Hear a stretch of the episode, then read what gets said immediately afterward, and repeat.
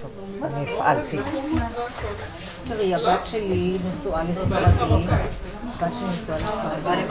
אבל אוכלים אצלה אור ולא עושים את ההוא עם כל ה... האורז והחומוס והמרוקאים מקפידים על זה, אני מסתובבת ומסתובבת. אה, גם את? יש לי גם כן אחד כזה. הכל בסדר, יש לי מכל המינים. יש לי מכל המינים והסוגים. אחד כזה, עכשיו נשמעת מרוצה. חס וחלילה. מה נשמע? הודו להשם כי טוב. רבנית, מה? תשאלו, תשאלו. רפואה שלמה, שלמה בן רחל.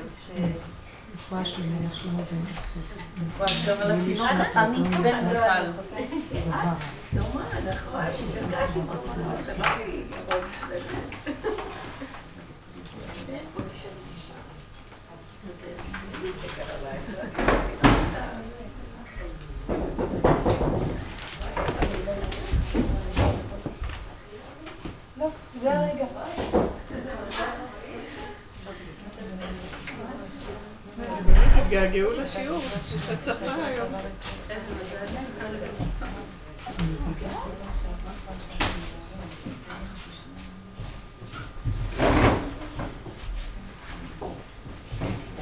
מה נשמע? שרה תתחיל להגיד לנו מה. שרה ל... שרית. אני? רגע, לא נפל לי. מה? מה להגיד? אני אעביר היום את השיעור. מה, להתחיל? להתחיל אני לא אסיים.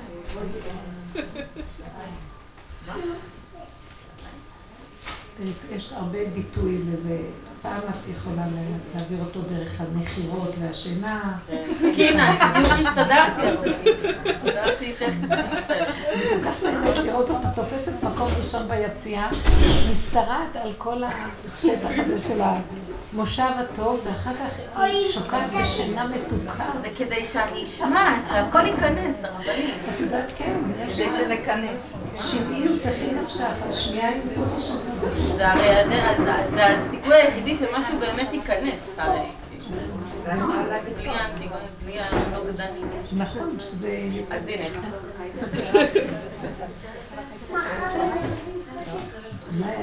אני אישה קצת, אז קצת יקבלו הכי טוב, שיעור טוב. נכון,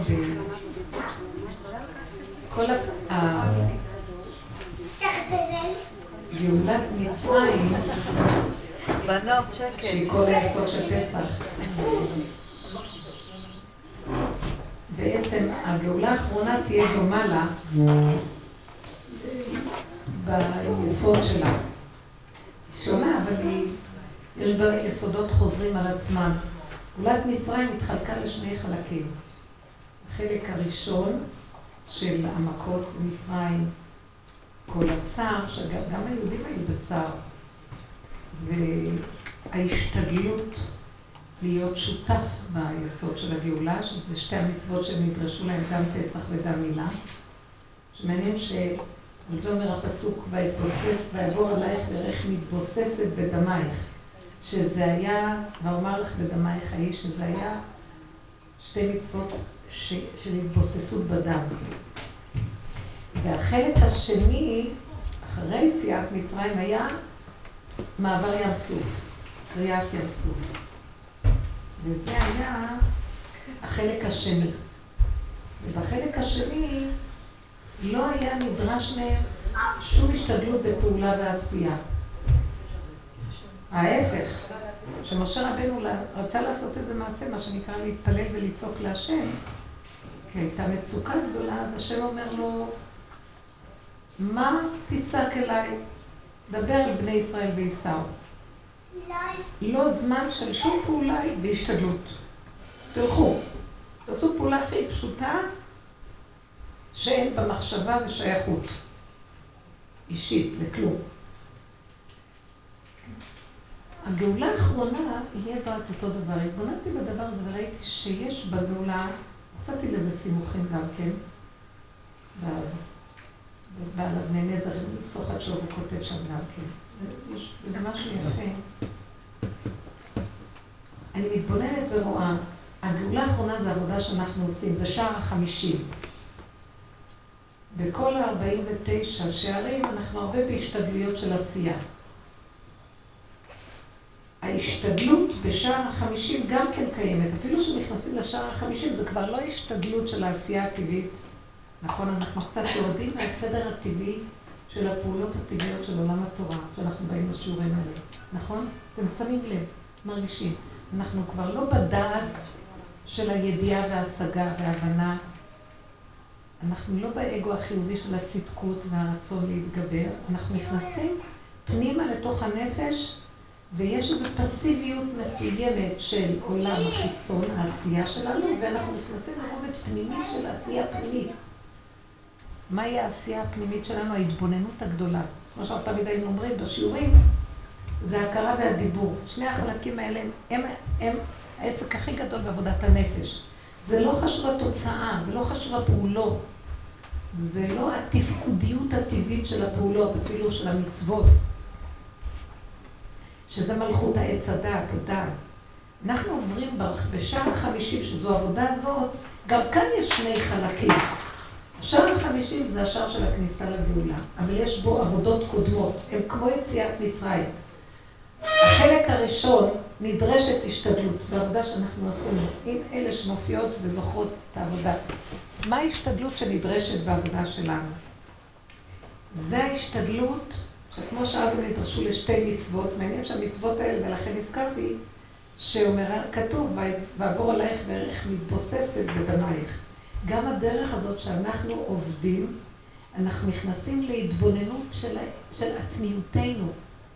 האגו שלנו, במקום להיות תקוע בשני ולהצדיק את עצמו ולהאשים את הזולת, או את הסיבות החיצוניות, אלא מבין שהסיבה היא אמצעי כדי להכיר את התגובות שלו, ואז הוא מתחיל לראות את עצמו, או את הכעס שלו, את השנאה שלו, אפילו אם הוא כועס, השני יהיה הסיבה, אז הוא כועס על השני, שהוא לא מתנהג טוב.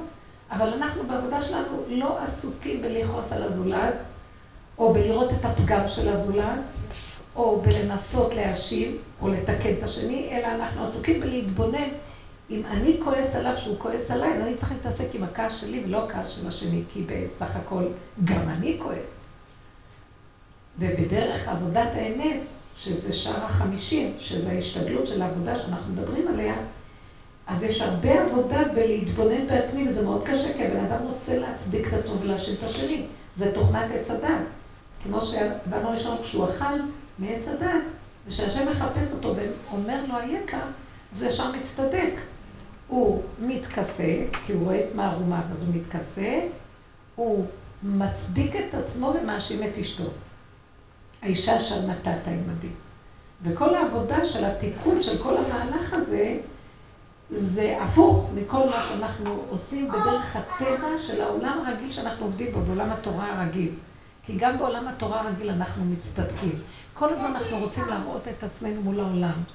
מול השכונה, מול הקהילה, מול האנשים, מול המשפחה שאנחנו חשובים, שאנחנו צדיקים, שאנחנו מדקדקים, שאנחנו זה. מאוד אכפת לנו להרשים את כולם.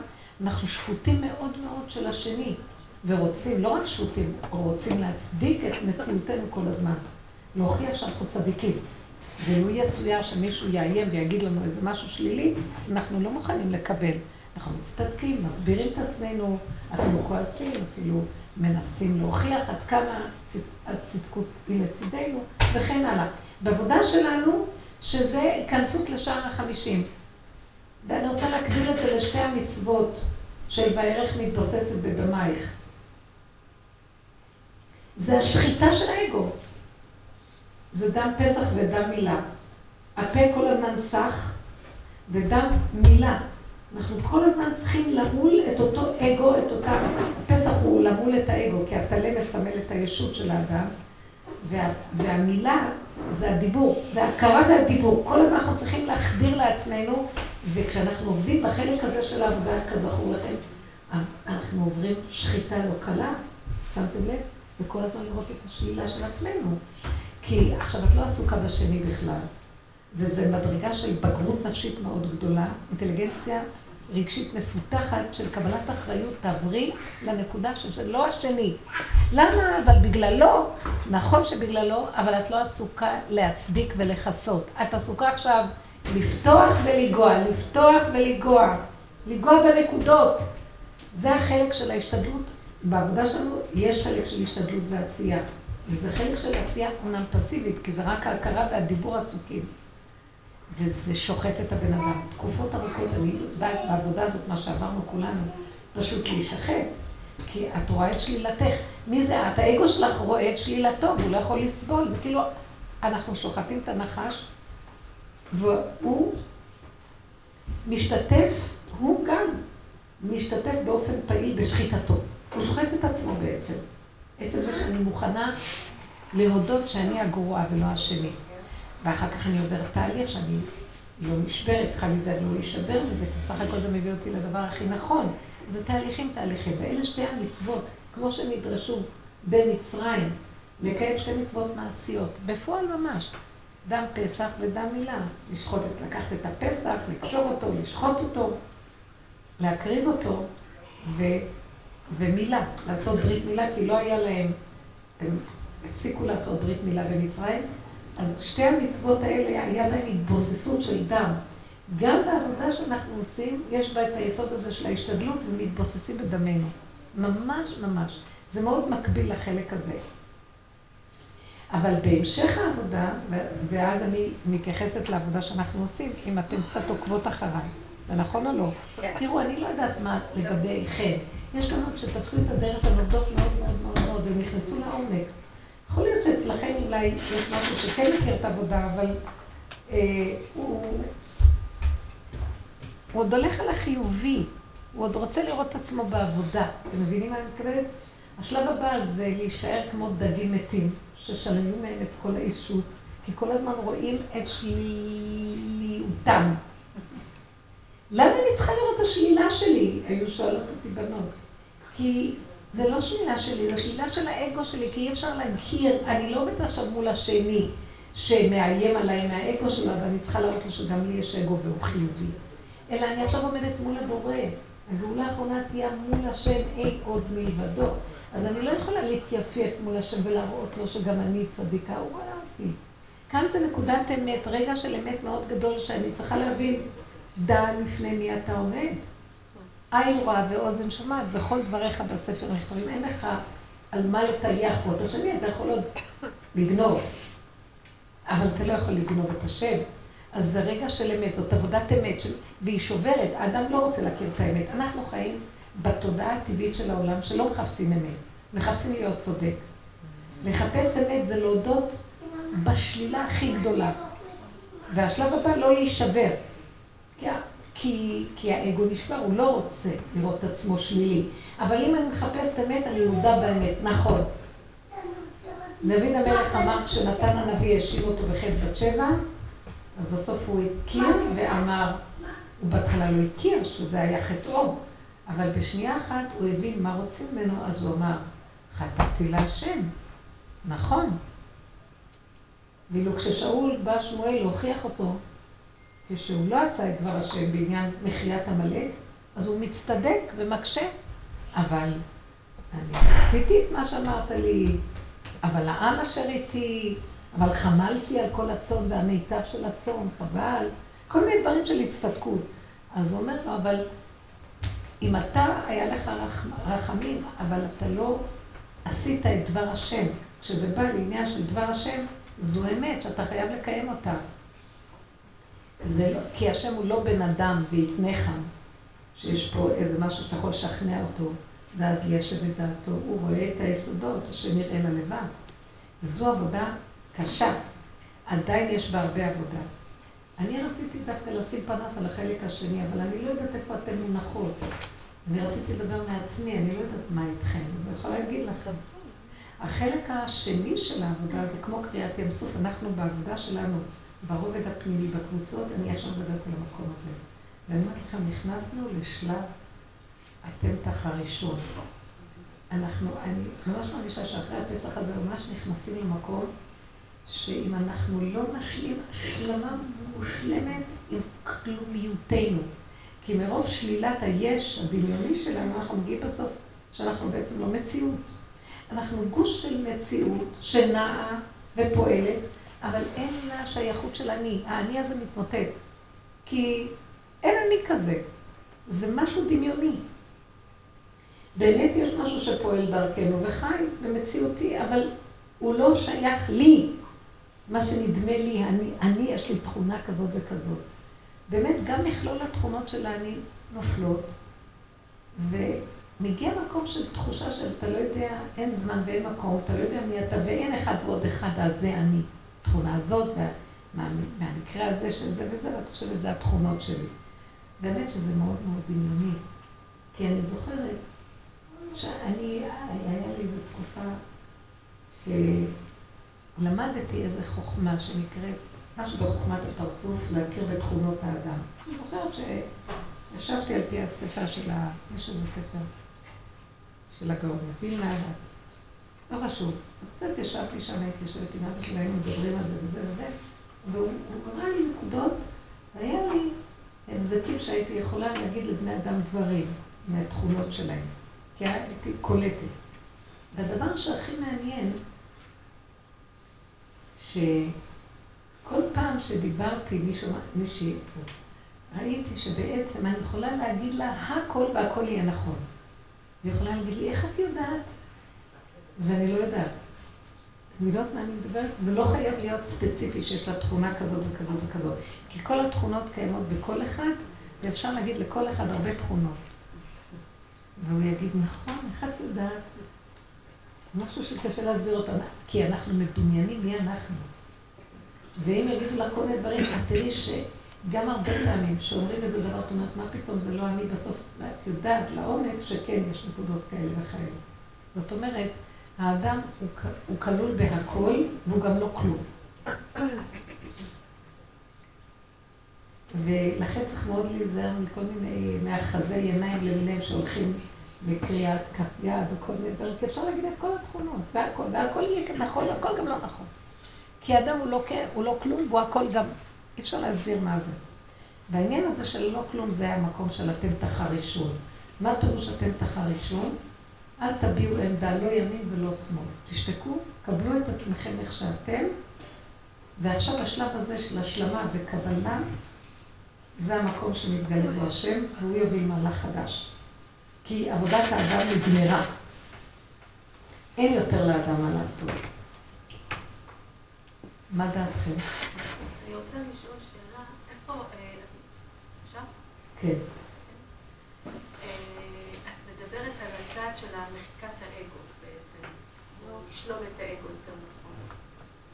וכשאני שומעת אותך, אני שואלת את עצמי, איפה ההתבוננות שלנו כלפי עצמנו ולראות את הכרת הטוב שלי עם עצמי. שמה? קודם כל לראות את הכרת הטוב שיש בתוכי. לעצמי, לא, אני שומעת מה... אני אומרת, גם הטוב וגם הרע הוא לא שלך. הטוב הוא דמיוני שאת חושבת שהוא שלך, אז אמרו לך טוב. הטוב הזה, בגלל שאת עסוקה בכל הזמן, כי הטוב, אדם אוהב לשמוע את הטוב שלו, אז הוא מתבשם מזה והוא חי, הוא מתרחב בדמיון של החיוביות. אז הוא לא יכול להגיע לאמת. לכן שלילת מציאות החיוב היא התחלת האמת. בעצם אומרת שזאת מין מעטפה כזאת שעוטפת את הנגיעה באמת? זו תפיסה, זו תפיסה פסיכולוגית שגונבת את מציאות האדם. לראות חיובי, להסתכל חיובי, זה באמת טוב בטבע, יותר טוב מאשר להיות שלילי. אבל מי שרוצה להכיר את השם, זה מפריע לו להכיר את השם. כי הוא כל הזמן תקוע בחיוביות של עצמו. הוא כל הזמן מטפח איזה יסוד דמיוני של מציאותו, אז הוא לא יכול לראות את מציאות השם. כי אין אני והוא יכולים לדור בכפיפה אחת. אז החיובי הוא סכנה מאוד גדולה. אז אומרים לו, אז מה נעשה?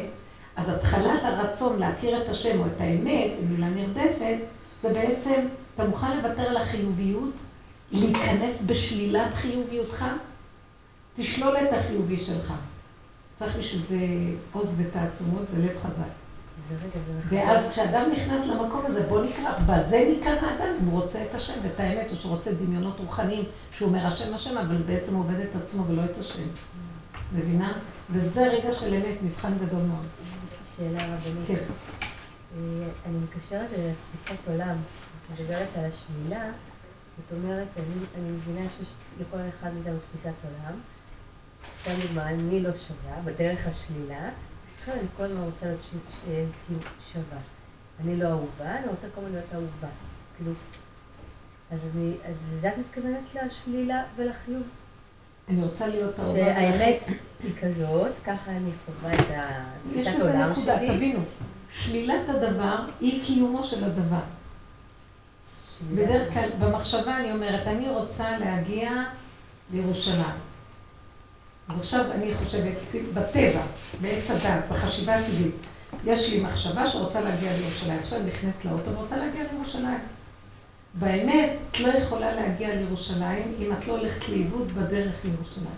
זאת אומרת, אם את לא מאבדת את הרצון לעלות לירושלים. את יכולה לעלות לירושלים, אבל זה לא קניין אמיתי. הקניין, על זה אמרו חז"ל, אין עומדים על דברי תורה, אלא אם כן נכשלים בהם תחילה. אתה חושב שאתה מבין דבר, זה בשכל.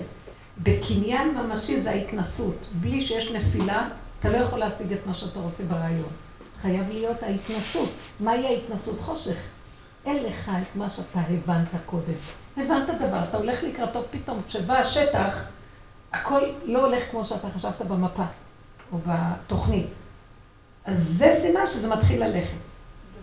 הכוח הזה זה שלילת החיוב. כי השכל, הוא רואה איזה שכל של דבר, מיד הוא רץ לקיים אותו. לא. האמת היא כזאת, יש לך רצון, נכון? בטבע יש לנו רצון? רצים, רוצות לקיים את הרצון, נכון? באה המשנה ואומרת, בטל רצונך מפני רצונו.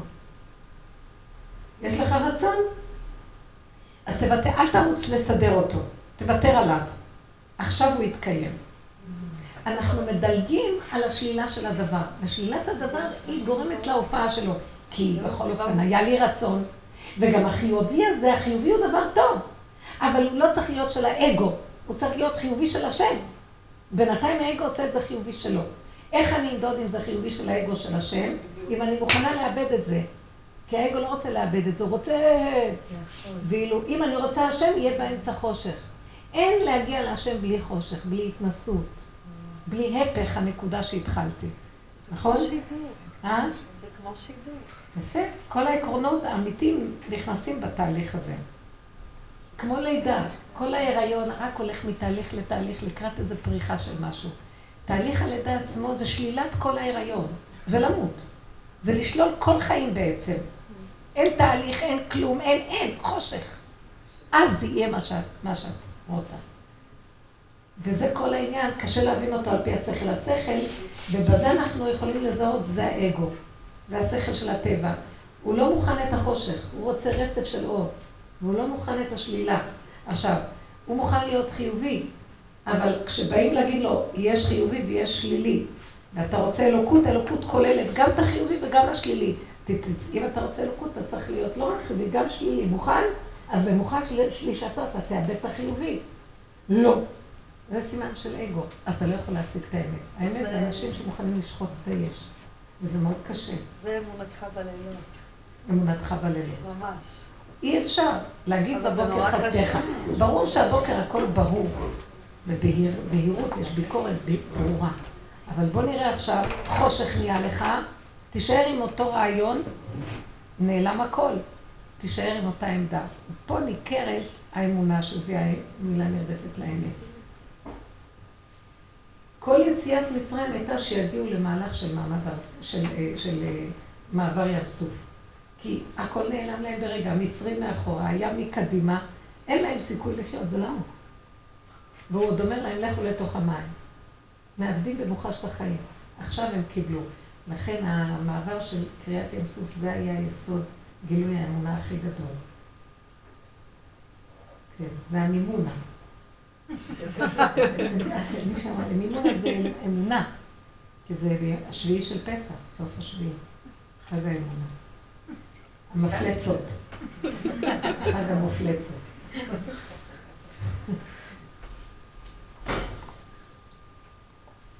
אולי באמת המפלטות זה מלשון הם נפלטו, אבל נכון? אבשלום טוב. זאת אומרת שבוא נגיד משהו, בעבודה שעשינו, מי שנכנס בעומק העבודה הזאת, ולמה באמת שאדם רוצה להיכנס? כי הוא מרגיש שכינה מלווה אותו. כי האמת מתגלה בשכינה. אבל מי שמתמיד בעבודה הזאת, הוא במוחש מאבד את החיובי שלו. וזה נראה התאבדות. וכאילו הוא נראה, אה, אה היו אומרים לי, אה, את, אה, את מדוכאה כנראה, יש לך דיכאון. באמת, איזה, איזה, נכון, איזה אדם נורמלי ירצה לגשת לשלילה שלו ולהתבוסס שם. ודבר כל כך מעניין בזה, שכשאדם נכנס, בדרך שאדם רוצה ללך, מוליכים אותו. משלילה, מתגלה עוד שלילה, עוד שלילה, עוד שנכנסת לעולם השלילה. הכל רק שלילה. שום דבר לא הולך, אתה שם יד, נהיה חורבן. מה שאת לא עושה, לא הולך כלום. עכשיו בוא נראה אותך לא נשברת ואומרת, אבל זה התהליך. את חייבת לעמוד בתהליך ולא להישבר, וזה כל הדרך הזאת. וסוף התהליך הוא כזה שבסוף את מגיעה, כל כך הרבה עבודה נשארת אותו, כלום לא, לא השתנה. התרוקנות. אז מה קיבלתי? במוחש אין לי עוד כלום, ואני נהייתי פסק. עכשיו הוא אומר לנו, תח הראשון, עכשיו אני מתגלה. וזה מה שדיברנו ערב פסח, כשבאו אליי בנות ממש יומיים לפני פסח שלושה, אמרו לי, לא יכולים בלי שיעור. אז כל מה שיכולתי להגיד להם, כל כך הרבה עבדנו, כל כך הרבה תכונות, ניתחנו ופירקנו את כל האגו. ונשארתי אותו דרק, אמרתי להם, סליחה על הביטוי. אה? אנשולדינג. נשארתי אותו קלקול. אני רואה את עצמי בערב בערבים לפני פסח, נשכבת לאורך ולרוחב עם סנט מוריץ ואקונומיקות, לחפש איזה חור בסדק. כמו משוגעת כשאני כל פעם אומרת, השנה לא, השנה לא, אין יותר, אני לא אשתעבד לפרעה הזה, ואני לא יכולה לצאת מזה. ואני כבר מתרסקת בפנים, ואני רואה שאני, זה ממש התאבדות. אין כוחות, אין כלום, ממשיכים, המשוגע שולט בי. ואז אמרתי לו, אבל אני לא יכולה לצאת מזה. בסוף רק צחקנו, אמרנו, לא לצאת מהפגם. רב אושר התכוון, לא לחפש את החיובי, כי אני רוצה עוד להיות חיובית שאני יכולה להתגבר, והשנה אני לא, לא, אני לא. אני לא יכולה לצאת, אסור לי לצאת לחיובי. אסור לי, זה הסכנה הכי גדולה, זה פגם הפגמים, הרצון להיות יכול ולהיות חיובי. כי זה כל כך טבוע במציאות האדם, כי זה מה שמחיה אותו, הדמיון של וייתם כאלוקים. אני לא רוצה להיות אלוקות, שאתה תתגלה בעולמך ותהיה אתה אלוקי. אני בסך הכל צינור חסר, שמחכה שתתגלה בו ותנחה אותו בדרך עולם. זה משהו כתוב. וייצר השם אלוקים את האדם עפר מהאדמה, וייפח באפיו נשמת חיים. האדם הוא גולם מהאדמה, והנשמה של השם חיה אותו, נשמת כל חי. באמצע נכנס הכוח של עץ הדעת, דמיון השכל, וגנב את הנשמה האלוקית. וזה נקרא גלות, מאז התחילה הגלות. כאילו אנחנו במין דמיון שאנחנו מציאות, אנחנו בכלל לא מציאות. זה רק דמיון, אני ואני ואני ואני. התכונות לא שלי, הנשמה לך והגוף פה לך, אין כלום. ומאוד קשה לאדם. עכשיו בוא ניגש לשלול את מציאותנו.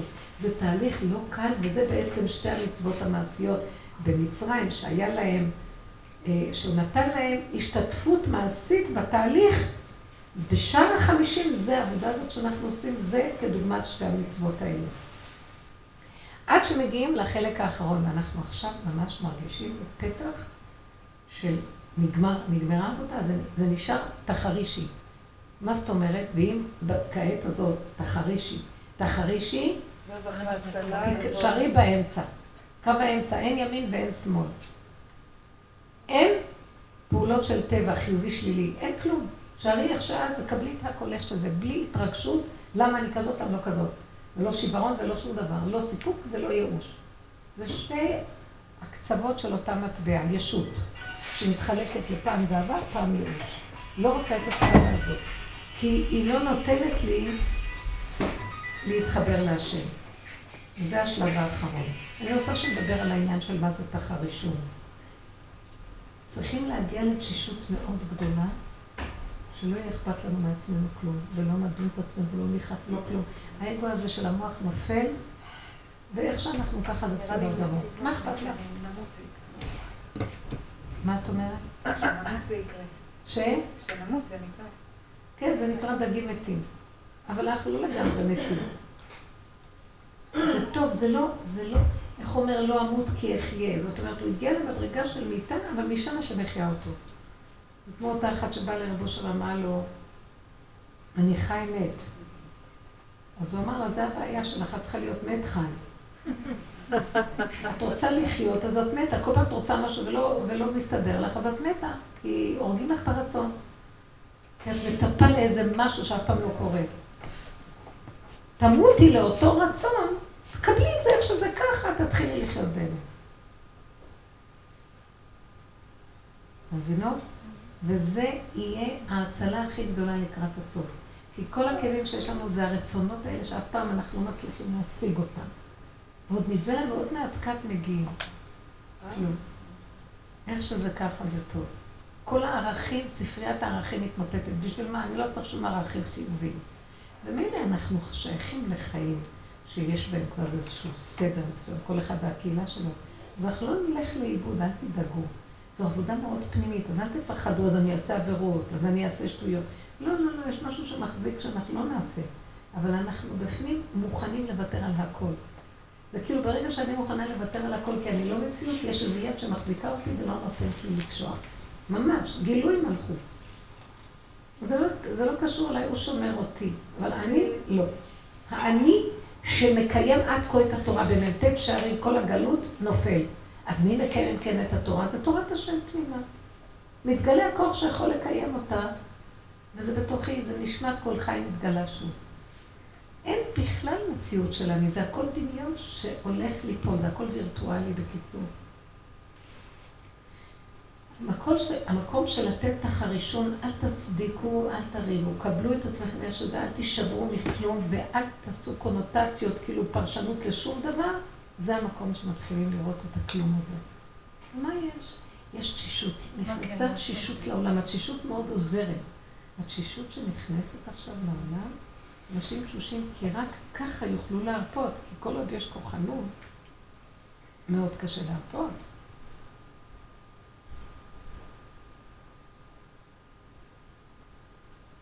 אין כלום, אתם לא מבינים, כשהמוח הזה של הטבע נופל, אפילו השם של הטבע נופל. גם תחושה של השם אין. גם איזה געגועים למשהו אין. כלום, מין, זה לא שיממון, אבל זה מין סתמיות. אין אמביציה לכלום. אין רצון להשיג כלום. זה נראה לא טוב, אבל זה ההכנה לקראת זה שהשם ייכנס. זה שהוא אמר להם, דבר על בני ישראל וייסעו. אל, אל תעשו שום, אין רצונות, אין תוכניות, אין יוזמות. תעשו פעולה כמו גולם. עוד צעד, עוד צעד, לתוך המים, לתוך המים, מה אכפת לכם? אין כלום. שמה הוא התגלה והציל אותם בישועה נוראית. ככה גם יהיה לקראת הסוף. אין כלום. המוח עושה את כל הסיפורים שיש לנו היום. מוח זה ספרייה מאלפת. זה החזון איש קורא לזה חמור נושא ספרים. כמו החומר הזה נושא איזה הר של ספרים. טוב, תגידו עכשיו משהו. כן. אה, אמרת שהקדוש ברוך הוא לא נותן לך לשאול, לשאול, לחטוף, אז אה, בזמן האחרון מה שקורה לי שאין לי, בתקופה כבר די ארוכה, אין לי כבר כוח לנקות את האורז ודברים כאלה, אני עושה כי צריך. ואני מסתכלת ככה, ואני רואה כל פעם, לא דווקא באורז, דברים אחרים בכלל, שבכלל לא צריך לבדוק, שוקולד, או לא יודעת, כל מיני דברים, הכנתי עוגה, שמתי את השוקולד להעמיס, אני קולטת את זה תולעת בפנים. וכל פעם, בזמן האחרון, בחודש האחרון קורה לי הרבה פעמים שיש לי, השם מראה לי, פשוט מראה לי. אני אפילו לא צריכה, זה משהו שאני לא חייבת לבדוק לפי ההלכה, והשם מראה לי איזה ברכה שנפל לי, או משהו שאפילו לא הייתי צריכה לשים לב אליו, ממש. שהוא נמצא שם, כן, זה לא שייך לך. בדיוק, שהוא שומר אותי. אני עושה את ההשתדלות שאני צריכה, מה שהשם עושה, גם בפשטות, והשם ממש אומר, אני ממש פעם כן. כל פעם... אמרתי לבעל, תראה, ובכלל מאיפה הוא צץ בכלל פתאום, אני לא אמורה לשים לב בכלל, השם מראה לי את זה פתאום בתוך הקפה, בתוך העוגה. זה למעשה לוחות הראשונים, כל הדברים שהשם נתן, כל הרעיון היה שהוא יתגלה בתוך מה שהוא נתן. הוא רוצה להיות קשור במתנה שהוא נתן לנו. ואנחנו סילקנו אותו ולקחנו לעצמנו את הדברים. אז האגו נכנס שם במקום השם. אז האגו כל הזמן, הוא עובד מאוד קשה להשיג את זה, לשמור על הדברים, לדקדק, להיות יכול, כן? להכריח את עצמו לשמוח במצוות וכל זה. ובזמן שביסוד האמת, הכל כבר קורה בתוך המצווה, זה חלק מה... חלק מהמכירת הסחורה הזו שבעל הבית מכור איתה בתוכה. הכל קשור בדבר אחד, וזה אנחנו מתגעגעים, וזה כן לנו כוח כבר לעמל וליגיעה, שהאגו הזה מלאה אותנו עם הדקדוקים, ועם החרדות שלו, ועם הרצון לחיוביות, ועם הרצון להשיג ולהגיע ולהיות גדול. זה, אנחנו מפרנסים דמיון קשה, שהוא מתיש. אז אם זה לא המצוות, בוא נגיד, אנשים שהם לא שייכים למצוות, אז, אז הם רוצים לרצות את החברה ואת האנשים, ושיחשבו עליהם טוב, את הבוס שלהם, את כל האיברים, זה ככה זה. תמיד אנחנו נהיה מכורים למשהו. כן. לפני שבוע הייתי אמורה לטוס לאומן, לרבי נחמן. אז אחרי ש... אבל הוא פה כבר. אז אחרי שנרשמתי לפני חודשיים, נורא התלהבתי, מתארגנה בקבוצת בנות. וכמה ימים לפני הטיסה החלטתי לבטל. פתאום כאילו ירד לי, התחלתי פתאום לחשוב, מה, אני אעשה שם חמישה ימים, מה אני צריכה להיות שם חמישה ימים? אני צריכה להיכנס לצדיק, אני חמש, עשר דקות. אז באו, זאת אומרת, פגשתי אנשים שהיו באומן, ואז הם אמרו לי, מה, יש שם אורות גדולים, את לא מבינה, תעברי מצבים. אמרתי להם, מה, יכול להיות שאתם מדמיינים? לא, מה פתאום, כל מי שמגיע לאומן עובר מצבים, הנפש שלך, אה, אה, השם יפתח לך, את תתפקדי. עוד יותר ירד לי האוויר לגמרי. אמר להם, תשמעו, ביטלתי את הטיסה, ועוד בכלל אמרו לי שאני ישנה באיזה אכסניה עם איזה שש בנות ואוכל איזה... אה, הזמנתי לי במקום אחר. ואמרו לה, תתפקדי? כן, אמרו לי... כי תגידי, רק זה עוד חסר, מה? כן. תלכי וגם יתנו לך כזה. עוד כזה. בקיצר, אני רוצה לשאול אותך. מה יהיה עם אומן? באמת, באמת יש שם אורות גבוהים, באמת הצדיק מתקן, אה, אומרים, עוברים מצבים, מה המצבים האלה שעוברים שם? אני גם הייתי שם, הם רצו שאני אהיה הרבנית שלוקחת טיול. אז אה, אמרתי להם, לא כל כך רציתי, אז אמרתי, לא, אבל אה, כשהם הציעו לי סכום כסף יפה, אמרתי, עסק זה עסק. אז הלכתי. אבל כל הדרך רק אמרתי לבנות, תשמעו, אני ממש יושבת פה, ואני אומרת לכם שרבי נחמן כבר בארץ ישראל ריק פה, אין פה אף אחד. לא כעסו עליי המארגנים כל הזמן. שעד שהם הביאו את הבנות, אני בדיוק אומרת הפוך. נכון? אז מה? כבר לא הזמינו אותך יותר. לא, הם רצו עוד פעם, אמרתי להם, לא, עכשיו אנחנו, אמרתי לו גם, עוד הרגשתי קצת שהבעל שם טוב עוד נמצא קצת. זה הבעל שם טוב, זה חזק. איך? אצל הבעל שם טוב זה מאוד חזק. זה חזק. אבל אצל רבי נחמן כאילו העלו כבר את כל הניצוצות. בסוף אמרתי, די, כן, כבר החבורה הזאת לא קרה לי, אבל אחרים שלא ידעו שאני כבר לא רבנית שעושה קבוצות, אז הם קראו לי גם. אבל הרגשתי שקר בנפשי, אני תכף להגיד את זה, הרגשתי שזה הפך להיות איזה, הכל מסחרה, עושים עסקים, עסקים. כן. אז טוב, אם אני גם צוחקת, עושה עסק פעם אחת, לעשות מזה עניין, ואז נוסעים, ואז עושים, זה כבר, אתה לא יודע אם זה לא הדמיון מלבה את זה, וזה באמת יכול להיות, כי הדמיון, הדמיון הוא מקיים דברים. מרגישים תחושות. אבל הסלף סוגסטיה, העצמיות, משכנעת את האדם, זה מסוכן מאוד. אתם לא יודעים מה זה הדרגות של מי שמחפש אמת זה משהו אחר מהרוחני. הרוחני הולך להיגמר מהעולם. כל הגאולה העתידית היא בגוף. רבותיי, תקשיבו לי, לא יהיה רוחני בכלל. הגוף זה הגאולה. אתם קולטות מה אני אומרת? מה זאת אומרת? נפשי, כאילו על הבשר. אין רוחני. את תעשי ככה, תשתי, לא יהיה לך געגועים, לא יהיה לך רצונות, לא יהיה לך כלום, תרימי את הכוס. לא תרגישי, לא תחשבי השם או אלוקות. התנועה היא אלוקית. הטעם אלוקי. החושים רואים הכל אלוקות. יתגלם משהו שבבשר יש אלוקות. זה אלוקות של הגאולה. זה לא אלוקות שאנחנו עכשיו בדמיון רוחני. יש השם והוא כאן והוא כאן. מישהו יודע מה זה השם? הדמיון מסדר לנו כאילו אנחנו יודעים, הוא רוחני, הוא גבוה, הוא... ויש מזה גם אנדופינים, מה שנקרא. אנחנו גם מקבלים מזה איזה תחושות חזקות. ומזה חז"ל כל כך פחדו בכל הדורות. יש בזה סוג אפילו של איזו עבודה זרה. כי בעולם התורה הליטאים מאוד מפחדים מהדברים האלה, הם קוראים לברסלב. בזמנו, אני זוכרת ש... שהייתי צעירה ודיברתי על זה במשפחה, הזאת, אז ממש הכל היה שזה עבודה זרה. זה היה נחשב, בבני ברק היו תקופות שברסלב היה נחשב עבודה זרה. מה הכוונה עבודה זרה? יש שם כל כך הרבה דמיון רוחני, ברור שצריך להגיע, ברסלב זה דבר אמיתי, רבי נחמן זה דבר אמיתי, אבל צריך להגיע למדרגה כל כך דקה של נקיות, שאז האמונה חלה שמה, ואז זה לא דמיון, אבל רוב בני אדם שנכנסים, מתחיל, מתחילה חגיגת רוחניות ודמיון, החיוביות והרוחניות והרגשות.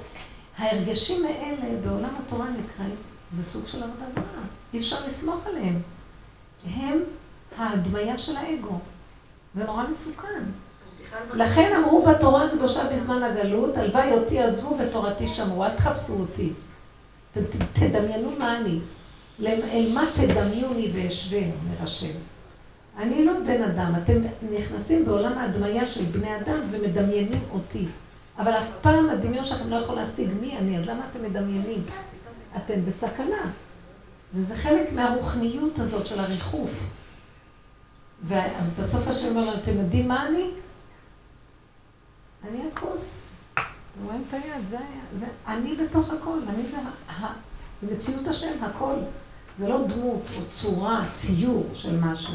זה כלול בכל. וזו התפיסה של עץ הדת לא יכול להכיל, כי עץ הדת מבדיל אותו שם. הוא רוצה כל הזמן להיות כאלוקים, אז הוא מדמיין מה הוא כ, כף הדמיון. באמת, אי אפשר לדמיין אותו. אסור גם להיכנס בזה בכלל, כי ודאי נגיע לטעות, וכל העבודות זרות, זה, זה הפגם של עבודה זרה, הדמיה אלוקית. ומדמיינים ומגשימים את הדמיון, ואז נהיה פסלים וכל מיני דברים בדמיון, בציורים עכורים ודמיונים שהם באים בעצם מהמודע או התת מודע של האדם, של הדמיון שלו, מה הוא סובר לשיטתו שזה אלוקות, וזה נקרא יסוד עבודה זרה. מה בכל זאת כל העניין של הקברי צדיקים? איך, איך? מה בכל זאת העניין של הקברי צדיקים? קברי צדיקים זה דבר מאוד מסוכן. קברי צדיקים צריכים ללכת לשם כמו ש... או ככה, או כמו מקובל גדול שיודע את המלאכה, והמקובלים, הם יודעים איך לכוונן על פי תורת הסוד, לקשר את עצמם עם הצדיק. ממש, אני לא נכנסת בזה, קראתי את זה, וממש יש שיטה של להתכוונן. ומצד אברי האדם, וזה, אני לא נכנסת בזה. ואז הם נזהרים לא לתת ממשות לדמות בדמיון, שזה בן אדם, אלא הם נכנסים ביסוד, כאילו, הספרות שבדבר. קשה לי להסביר את זה כי זה שפה אחרת. ואז הם נשאבים ל... לא נשאבים, אלא מתחברים לחוכמה של הצדיק, לתורה של הצדיק, למידה מסוימת שהיה הצדיק מיוחד בה, וכן הלאה. אבל בני אדם פשוטים שנכנסים, גם אסור על פי ההלכה להגיד שהצדיק יעשה לי ניסים, נכון? אסור להגשים אותו כי הוא לא בחינה של גוף ודמות הגוף.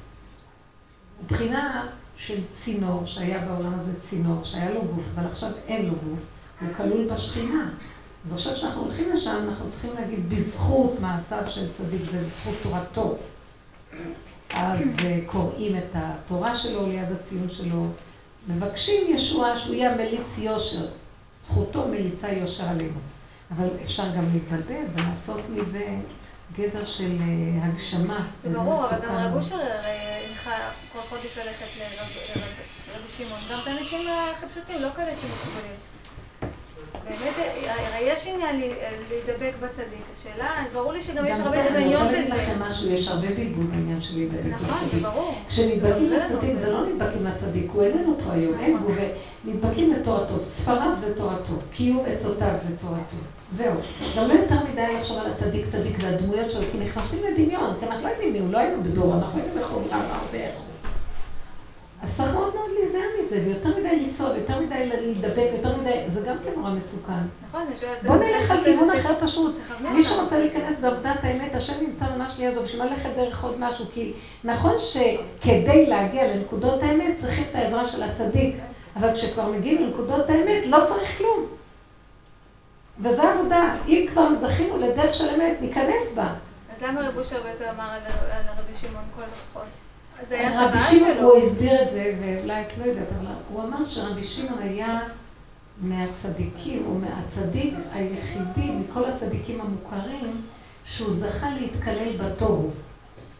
ככה הוא הגדיר את זה. הוא אמר, הוא הפך להיות אלוקות. הוא נכנס, הוא התקלל בתוהו. הוא כל כך איבד את יסוד האגו הפרטי שלו, ישות, שהוא התקלל בתוהו והוא כבר לא מציאות של יש. אז לנקודה הזאת הוא הלך לרבי שמעון, לזכות להידבק באלוקות שהתגלתה דרכו. האם אני מדייקת? אתם קולטות מה אני מדברת? כן. זה מאוד מסוכן, כי אנחנו טיפשים, ועוד נשים בכלל, יונות פרוטות, מדמיינות איזה דמות גם. ציורים יש וכל מיני דברים, וזו סכנה מאוד גדולה. כן. אני רוצה להוסיף גם שאחד מהחששות שלי אה, זה היה הנושא של דווקא גם הקליפות. מה? הקליפות. זאת אומרת, אה, הבנתי ש- בנפש שלי שאני לא יודעת מה לעשות שם, אחרי חמישה ימים. נגיד אני נוסעת לרבי שמעון, אז. אני נכנסת, יושבת עשר דקות. עשר דקות, לא יותר, נקודה, לא יותר, דבר, לא יותר, לא יותר. עוד קצת זה כבר התפשטות הדמיון, מאוד מסוכן. שבינה. אז אמרתי מנגד, חמישה ימים, פחדתי, אני יכולה לקבל מצב הפוך. למה? גם בעלי עם הילדים בבית, ואני רק אהיה שם בסרט, בד- בדמיון מה, מה הוא קורה פה, וגם עוברים, מגיעים לשם אנשים, גם גויים מכל העולם. נכנסתי לסרט, מה אני אתחיל לעבור מצבים שם, שזה בסוף יבוא לי הפוך על הפוך, ועוד אני אחשוב שזה אורות. אתם תראו שמה שאנחנו כאן אומרים יתגלה בקרוב. לא, לא, צריך להיזהר.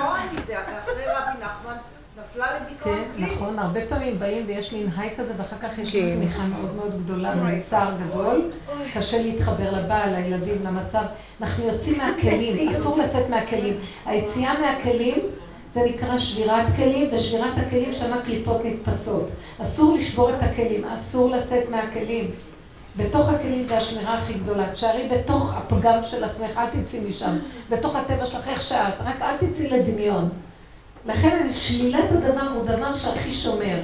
כי הוא הכי עושה אותך כלי, כי השלילה יוצרת מציאות של כלי. השלילה היא דבר טוב. אני לא חכמה, טוב מה? אני לא חכמה. נכון, בוא נגיד שמישהו העליב אותי, את טיפשה. נכון, לא נכון. ממש ברגע שאני. מסכימה לזה, אני מסכימה, אני נרגעת, אני נהיית קטנה, זה שומר עליי הכי הרבה, כי הגדלות שוברת את הכלים. תכניסי הרבה דמיון של אור לתוך כלים, גם יישבר. ההערה היא מסוכנת, לא צריך. אורות קטנים בתוך כלים קטנים זה טוב. זה ענווה. איך? להיות יותר בענווה, זה לא שלילי. זה נקרא ענווה. זה מציאותי. איך? זה לא שלילי, זה מציאותי. כאילו, יפה. לא, כי בטבע עוד קוראים לזה חיובי או שלילי. באמת, אנחנו שוללים את החיוב, אבל באמת היא קוראת לזה, זה מציאות אמיתית של, מציאות של ענווה. מה זה ענווה? ביטול היש. יש קטן. הישות צריכה להיות קטנה, וזה השמירה מכל הקליפות. בואו ניתן דוגמאות מעשיות, שזה לא יאריכו. מישהו יכול לתת דוגמאות? אני אומרת לכם, פעם הלך, אני אתן לכם, אני זוכרת, פעם אבא שלי, אליו שלו, שהוא גר אצלנו וזכיתי בזה מאוד מאוד תקופות.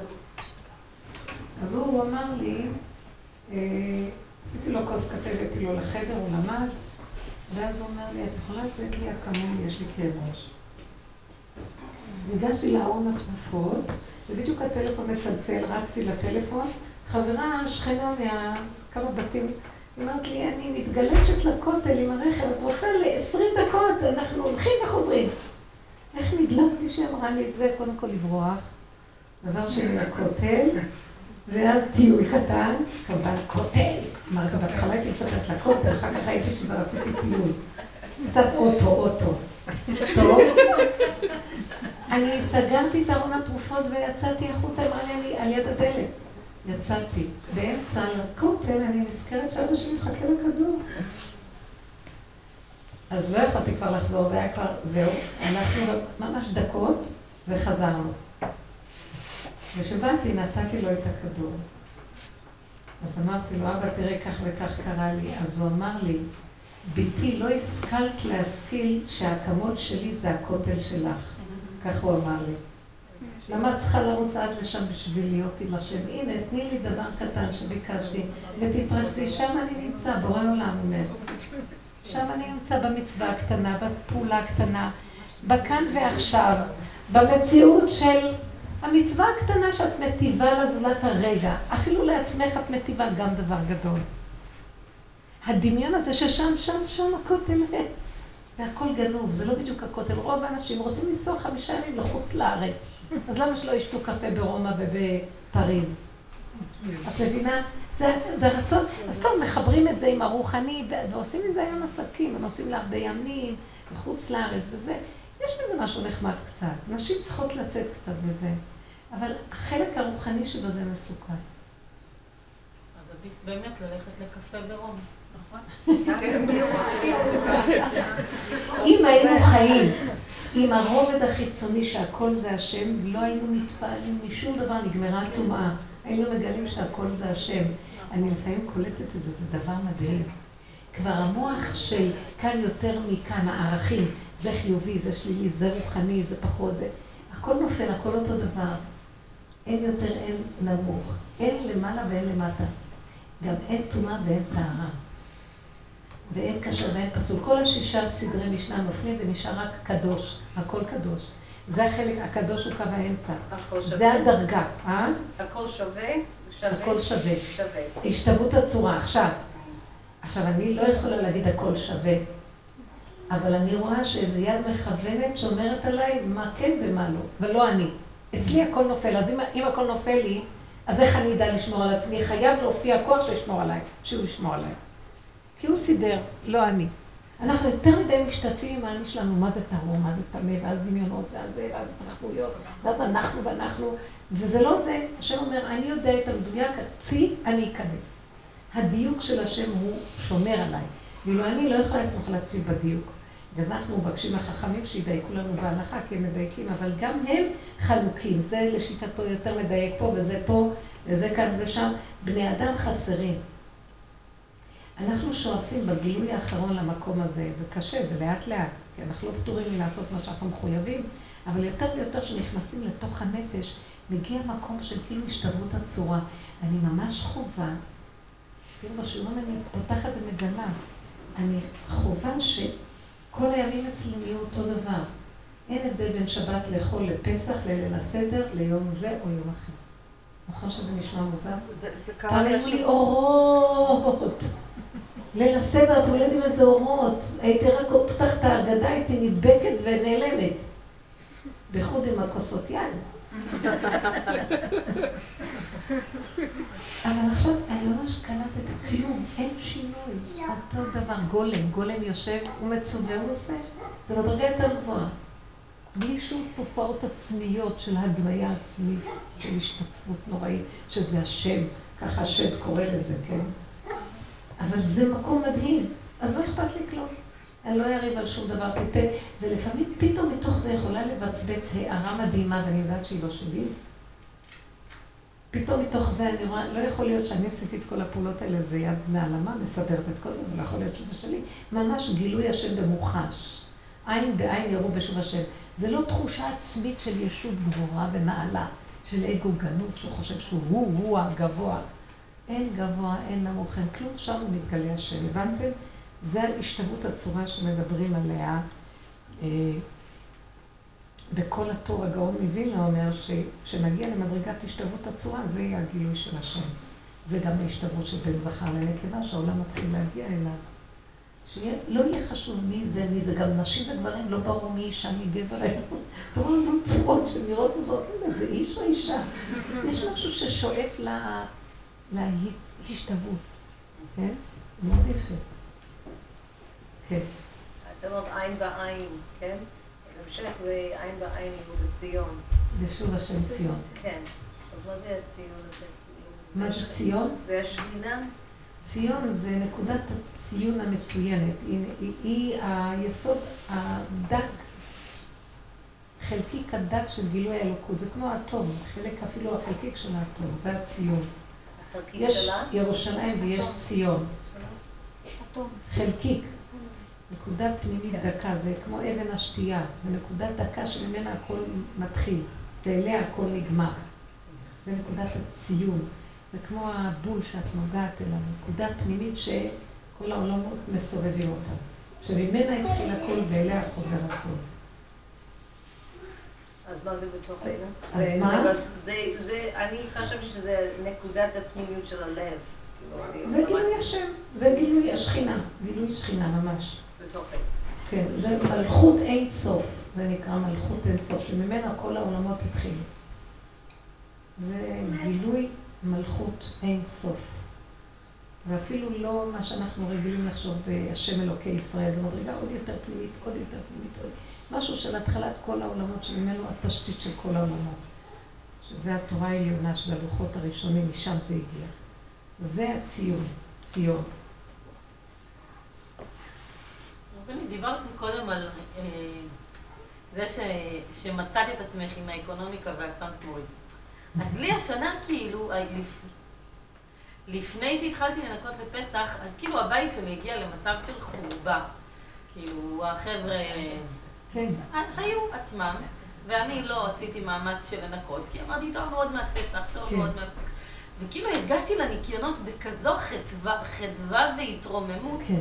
שנכון שכאילו כל ערב התרסקתי על המיטה בסופו של דבר, אבל הניקיונות עשו לי כל כך טוב, שעכשיו כשאמרת כאילו, כשדיברת על הלבטים שלך השנה, אני לא אשתגע, אני לא יודע, זה, כאילו לראשונה, באמת לראשונה נהנית מזה. נהניתי נורא נורא מהניקיון. ומעט, ורגע, בפסח, אז כל המשפחה שלי המורחבת הייתה אצלי, וחירבו את כל מה שאני ניקיתי. חירבו חורבן יותר ממה שה... ומאוד נהניתי מהחורבן. אני, כן, אחותי התקשרה אליי להגיד לי, אחרי שהיא סוף סוף הסתלקה, אחרי שבוע שלם, היא התקשרה אליי כדי להגיד לי, מה דעתך שאני אבוא גם ליום העצמאות? שלישי, רביעי, חמישי, שישי, שבת. ליום העצמאות, שלישי, רביעי, חמישי, שבת. אמרתי לה, תקשיבי, לא. תשארי בבית שלך, לא רוצה אותך עוד פעם עד עוד שנתיים. אבל אני אומרת שכל כך נהניתי כאילו מה... נהנית מזה שהם באו והכל, וזה שהיה בלאגן. לא, זה שהם באו לא נהניתי, נהניתי מהניקיון שלפני, זה שהם באו. אותך, אני שואלת שאלה במכוון. נוראי. מה קרה לך שהכל התהפך אחרי זה? אני... היה ב- קשה. היה לי, תראי, בימים עצמם, כאילו. שהם היו בבית, אני אה. התנתקתי, כאילו שמתי את הנשמה שלי במקום אחר, היא לא ראתה, היא לא ידעה, היא לא שמעה, כלום כאילו, ממש, ממש לא זה. לקח לי גם המון זמן לנחות, לחזור, כאילו, להחזיר את הנשמה חזרה למקום. אבל, אה, אבל כאילו באסרו חג מצאתי את עצמי יושבת ככה לילדים שלי על הצוואר, ממש פה, שלפחות כאילו את הדברים שלהם יסדרו ויחזירו למקום וזה. ומאז, מאז שכאילו החזרתי את הבית חזרה לעצמו, אני גם, אני נורא אה, מקפידה שיהיה מסודר, שהם יסדרו, שכאילו כל יום ב... כאילו נורא נכנסתי לזהו, עכשיו סידרנו, יש לי עכשיו שליטה, יש לי סדר. סיפוק, אני באחיזה. למה שליטה? סיפוק, סיפוק, לא שליטה. סיפוק, לא, הסיפוק, כי ברגע שאין לך את השליטה, יש לך להם על הווריד, את רוצה שיחזירו את הכל. אני, אני רוצה לומר, מה רציתי כאן להמחיש? שנורא נהנית מזה הפעם, אבל למה ההנאה הזאת מפחידה אותי? כי יהיה איזה שלב שהיא תחסר לי, אז איך אני אראה? בדיוק הפוך. אתם מבינות מה אני אומרת? לא. עכשיו את נהנית שאת מנקה.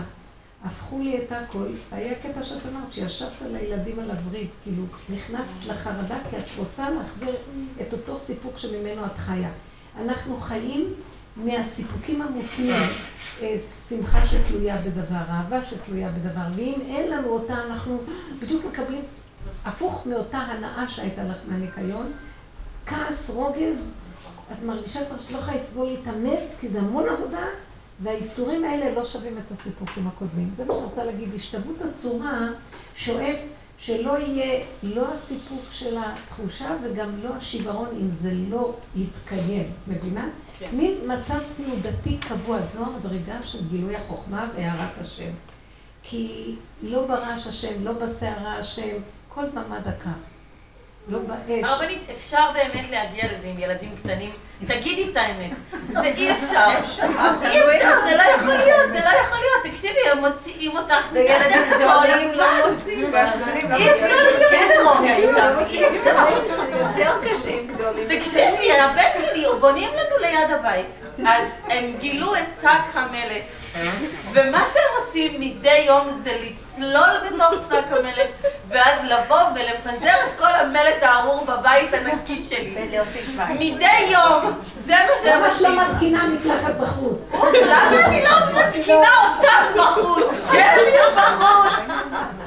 אני, אני והם יהיו בחוץ, והכל יהיה בסדר ככה. אז זה בדיוק הנקודה שאני רוצה להגיד לך. ההתבוננות בעצמי, איך אני נראית, הילדים הם המראה שלי להראות לי. זה באמת קשה, כי אני רוצה סדר, אני אחוזה בדברים. לא, אני רוצה רוגע, רוגע. תקשיבי, כשהבית למה את חושבת שהרוגע, תקבלי אותו תלוי ברצפות? כי זה חייב להיות מאיזשהו חיצוני, לא כאילו, כשהכל הפוך מבחוץ, אז יש גם איזשהו בלאגן ב- בבפנים. את יכולה לעבוד בנקודה שיהיה בלאגן בחוץ ובפנים, לא תהיי סוערת? אני לא יודעת מה זה לא להיות סוערת הרבנית. אני חושבת ש- שהיה, שלא בשואה לא היה להם שום סדר, שום ניקיון, כלום, והם היו נאלצים לקבל את הכל איכשהו.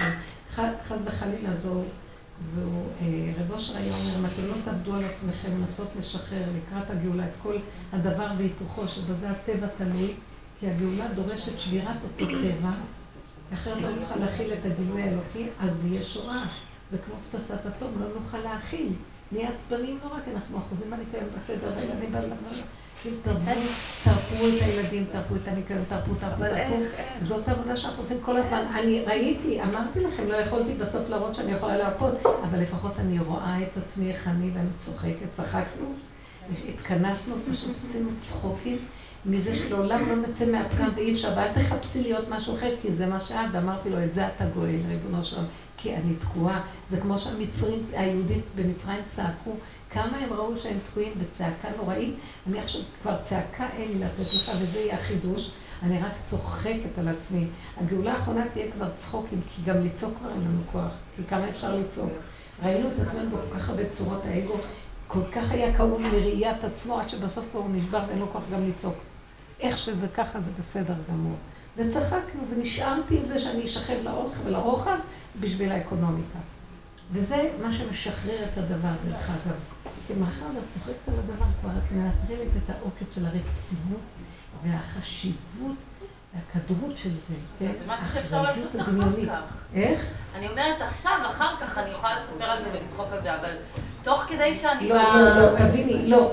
כי יש דבר אחד, אם את משחררת את זה, ואת נהיית נינוחה בתוך זה, בסוף מתגלה איזה כוח בתוכך שלא יכעס על הילדים וישב להם על הווריד, וגם יקבל איזה כוחות לנקות, ויהיה איזה אור כזה שכאילו לא תרגיש את הפעולות שלך, ותחזרי את הסדר בבית, ויהיה נחמד ומתוק, אבל את לא תלויה בזה.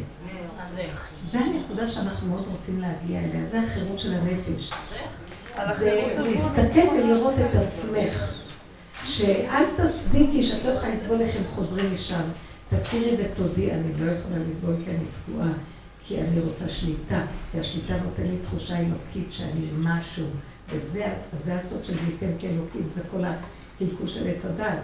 ואני לא יכולה לוותר על הדמיון שאני רוצה להיות אלוקית. אז כל היום הסדר והניקיון, מי שיש לו סדר וניקיון הוא קצת יותר אלוקי משחי בעולם מלוכלך. שמתם לב איזה דמיון זה? נכון, אנחנו חושבים שאם נהיה נקיים, הכל נהיה טהורים. יש המון אנשים שיושבים בתוך הלכלוך והם פי מיליון יותר טהורים מאיתנו. אני לא חושבת שזה... לא, אבל זה בריאות הנפש, כאילו. את מדברת על השפיות, על השפיות של הנפש. אני אני מדברת על זה שכאילו לי יש את כל. כאילו הבעיות... את צודקת, אבל תכירי שזה הקליפה ותודי להשם, תתוודי. ויתוודו את חטאתם לפני השם, זה הקליפה שלי רוצה את הסדר, כי היא תלויה בסדר כדי לחיות טוב. אני לא חיה ממך, אני חיה מהדמיון החיובי של השליטה, של הסדר. וזה מחיה אותי, ואם יהיה כאן בלאגן אין לי חיים. איזה עליבות, מזה אנחנו חיים? אנחנו עלובים, על איזה גאולה מדברים בכלל? אז מה הגאולה שאנחנו רוצים? איזה פיליפינית עם סנט מוריץ. והשם אומר, לא, הגאולה זה שאתם תעמדו בשיא הלכלוך ולא אכפת לכם כלום, וכאילו אתם יושבים בארמון של מלך וצוחקים. לא יהיה מעניין אתכם כלום יותר. לא ישפיע עליכם דבר. איזה גאולה זאת, נכון? אהבה שאינה תלויה בדבר. תאהבי את הבן אדם שהכי מרגיז אותך, כי, כי, כי פתאום תראי שבכלל זה לא מגיע לך מה שהוא אומר, לא מרגיז אותך. איזה גאולה נפשית. עשירות שאינה תלויה בדבר. פתאום תראי שאין לך כסף, בכלל את לא מתמסכנת ואת לא ממורמרת שאין לך לקנות את מה שאת רוצה. כי כל מה שאת רוצה יגיע עד אלייך, ואת לא, את לא צריכה את המוח שהיה קודם, שרק בתנאי שיהיה לך בבנק ככה, אז את חיה טוב. זה דמיון. זה דמיון. תתחילי להיגאל בנקודות האלה, וזה לפחות רוצה שנכיר, אם אנחנו עוד לא הגענו לחיות ככה, לפחות נכיר מה מפריע לנו לחיות ככה. ונודה בזה, הבנתם? זה המקום. אבל הרבנית זה לא גם נקודה של עבודה, אם אני רואה את, ה, את השלילה שלי ואני רוצה להגיע ל...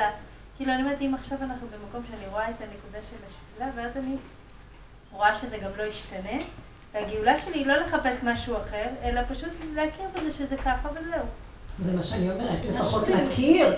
מה להכיר? אבל לא, לא אפילו לחפש את זה שיהיה עכשיו משהו שלא אנחנו מחפשים כל הזמן. אני לא אמרתי לה עכשיו תחפשי שהבית לא יהיה נקי. אמרתי לה, תסתכלי כמה סיפוק יש לך מהבית הנקי. כי אנחנו חיים מהסיפוק. תסתכלו עם הילדים, אנחנו מאוד מאוד, עם הילדים בכלל זה דור של עבודה זרה שנקראת ילדים. כמה אנחנו אחוזים בהם, בחינוך שלהם, ברצון להם, ואנחנו לא מבינים שאנחנו פשוט קוראים לעצמנו בור שאנחנו לא יכולים לקום ממנו. שאם חס וחלילה קורה משהו עם הילד, מביא איזה פתק, משהו לא הולך לסדר, אנחנו נשברים. לא רוצה ככה לחיות, לא רוצה ששום דבר ישבור אותי, גם לא הילדים, גם לא הבעל, גם לא אף אחד, זה נקרא בן חורין. אז מה, איך הוא נהיה בן חורין? שהוא רואה קודם כל כמה כל דבר שובר אותו.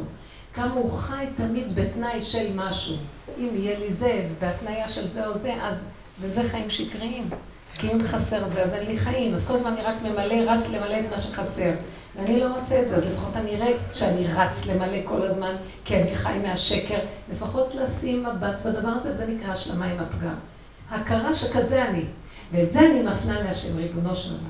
הלוא אני רוצה להגיע אליך, אבל יש קליפה שכל כך מפריעה לי, והיא הקליפה הזאת שכל הזמן שואפת להיות במקומך שהיא צלק את הפחת והיא תשלוט. במה? בדמיון? אז יבוא משהו אחר, אז יבוא משהו אחר, כי אותו דמיון נשאר. אז תרחם עליי. ובסוף, בהתחלה אני בוכה לא ירחם עליי, אחר כך אני צוחקת ואומרת תרחם עליי, אתה רוצה, אם לא, אז אתה, אז אתה הצעת אותי, אז מה אכפת לך? אני מתחילה לעבוד עם הנקודה של השלמה מושלמת עד שאני צוחקת, שם מתגלה הישועה. שהבן אדם הוא נהיה מותש מהמלחמות שלו, שהוא רוצה להיות בחיובי או ש... והוא מוכן לקבל את עצמו איכשהו, והוא צוחק על זה גם. זה הפורים בעצם. אז מתגלה זוהר שפתאום פותח את הדלת ומסדר לו הכל. איך רבי נחמן אמר, יש רגע שהכל מתהפך לטובה. פתאום הכל מתהפך. איך? כי התגלה אור אלוקי שמהפך, זה כבר לא האדם ומה המצב להגיע לנקודה, זה גילוי השם והוא מסדר לו את הכל ברגע, כי הוא ידע איפה היסוד שלו, אתם מבינים?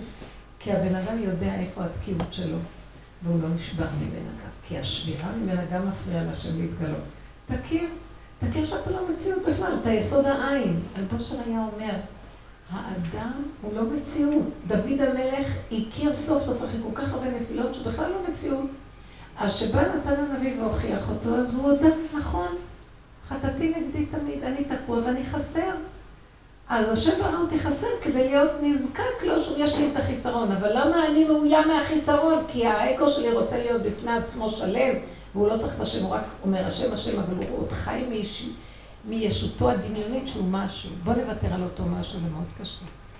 זה תהליך של שחיטת האגו, כי כתוב שעתיד הקדוש ברוך הוא לשחוט אותו, את הסמ"ם. טל צחנתו ובאשו בים הצפוני. ואני מסתכלת על הפסוק הזה, אני אומרת, עתיד הקדוש ברוך הוא לשחוט אותו, אותי, שהוא שוכן בתוכי, בינתיים אני נשחטת. ההכרה הזאת שוחטת אותי. אני עוזרת במוחש לתהליך הזה של השחיטה.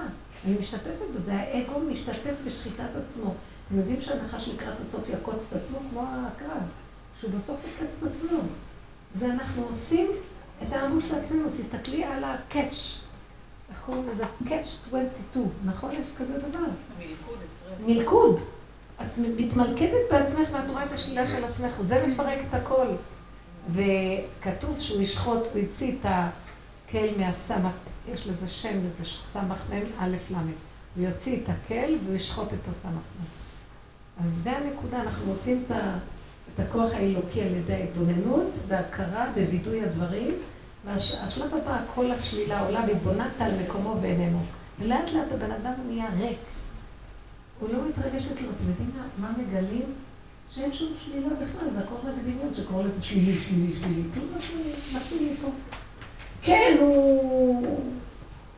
הוא עשה ככה. אז הוא עשה ככה. תראו כמה אנחנו מתרגשים שהוא עשה ככה. בוא נגיד הוא הפליץ. אל תצחקו. זה לא נעים, נכון? אז מה קרה? בדיוק. בן אדם את שלו לא סובל, את שלכם הוא לא סובל. אז מה קרה? הוא הכי פשוט ובוטה מה שאני עכשיו אומרת, נכון? למה זה בוטה? כי זה טבע וככה זה. אז הוא ידע לקבל את הכל, עכשיו זה נראה לו יפה. כי אותו בן אדם השני, לא נעים לו מהשני, אבל השני, אם הוא מבטל את ה... למה בעצמו נעים לו? שימי לב, זה נורא פשוט.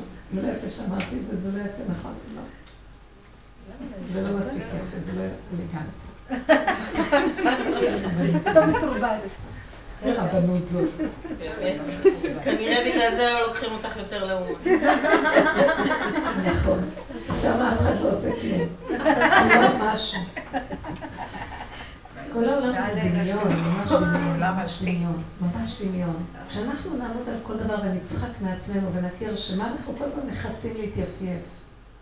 אנחנו עירום ועריה מול השם, חוט אחד לא מפריד בינינו, אז מה אנחנו מתכסים? מה, מה, מה יש פה? אם היינו חיים בהשלמה עם עצמנו, גם אחרים היו נהנים מאיתנו, ולא היינו כל הזמן במתח מהשני, או השני במתח מאיתנו. ואז היה מין אחדות שאינה תלויה בדבר פשוטה. כל אחד היה מקבל את השני, פשוט כמו הבהמות. זה טוב, היה נהיה אחדות. אבל המוח הזה של הדמ... הדמיין הזה לא נותן את האחדות הזאת, לכן אין גילי השם.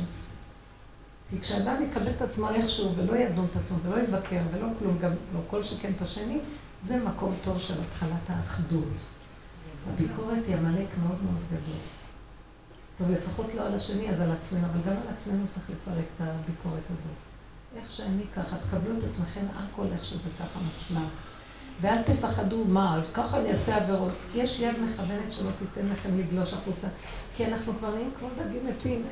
כשאדם מגיע להשלמה של משהו, כבר רוב הכוחות של היש נופלים לו. הוא לא חשוד שיעשה עבירה, הוא לא רוצה גם לעשות עבירה. לא מעניין אותו. הוא כל כך נהיה בריא כזה.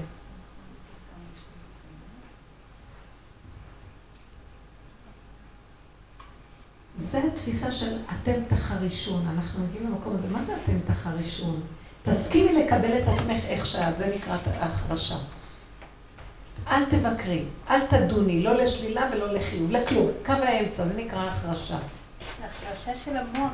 החרשה של המוח, ושל כל חיותיו וכל תנועותיו, בחיובי ובשלילי. תחריש את זה. לא לתת למנגנון הזה לפעול. רואה שרית.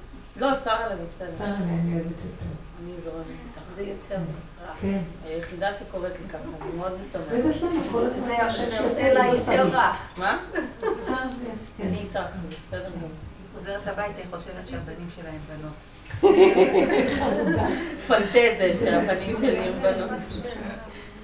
לא רוצה שהם יהיו כן, בנות. ברוך השם. שבעה, נכון? כן. מה עכשיו אני אעשה? אה, יש לך אין לי בנות, וכל הזמן אמרתי, רק זאת חסר לי שיהיה לי בנות, כי בנים זה חד וחלק. זה מה שאני אומרת, כל הזמן, כולם מברכים אותי שהבא יהיה בת. אמרתי להם, תודה רבה, לא צריך. איפה שאני לא הולכת, מברכים אותי לבד. לא צריך. ואומרים לי, וואי, איזה מסכנה. אני לא מסכנה, אני מבסוטית, כאילו, בנים, כאילו, עדיף. אני מגיעה למסקנה שכל אחד מבסוט עם מה שיש לו. תודה רבה. סליחה, יש לי שלוש בנות ובן ואני מבסוטית. המייס מתקשבת, אף פעם לא חשבתי שזה טוב ככה או ככה. מה שיש זה טוב. איך שזה ככה. בדיוק. כל עוד זה בן. אז כל פעם ש... טוב, שריטוש.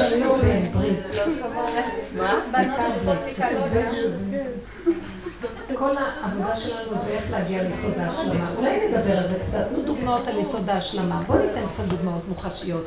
בואו נתחיל לחשב את המוח על ככה זה בסדר. אבל זה קשה. בבקשה, ככה זה בסדר. איך? השלמה זאת בעיה. אז קשה לי להשלים, אז עכשיו תסתכלי שקשה להשלים ותעשי מזה צחוקים. אתם מבינות מה אני אומרת? אם אני לא יכולה להשלים כי זה הקו, אז לכי לנקודה שצוחקת על זה שאני לא יכולה להשלים ואומרת לשם רק אתה יכול, כי אני לא. לא חשוב, העיקר נגעתי בנקודה. זה לא שאני מכוונת בוא נשלים, בוא נעשה, בוא ננסה. וכשלא יכולים, תצחקי מזה שאת לא יכולה, זה ממחיש לך שזאת, אני עשיתי את שלי עד הסוף, תעשה את שלך, זה שלך, לא שלי. כי אדם קשה לו, לא יכול. רק השם יכול להיות בקו האמצע השלמה. אבל הבן אדם עושה כלי כדי שהשם יוכל להיכנס ולהתגלות שם. מהו הכלי? ההסכמה שאני לא שלם. עוד פעם, שלילת הדבר והסכמתו בשלילה. אין לכם סוד יותר גדול ממה שאמרתי, שזה שלמות האדם. אין שלמות האדם. הכרת האדם שהוא חסר, ואין חיסרון יותר גדול ממנו, זה שלמותו. כי השם הוא שלם בכל מיני שלמות, אבל האדם תמיד חסר, וזה ההבדל בין האדם לבוראו. במה נהיה אדם בורא? כתוב, מה אני בורא, אף אתה בורא?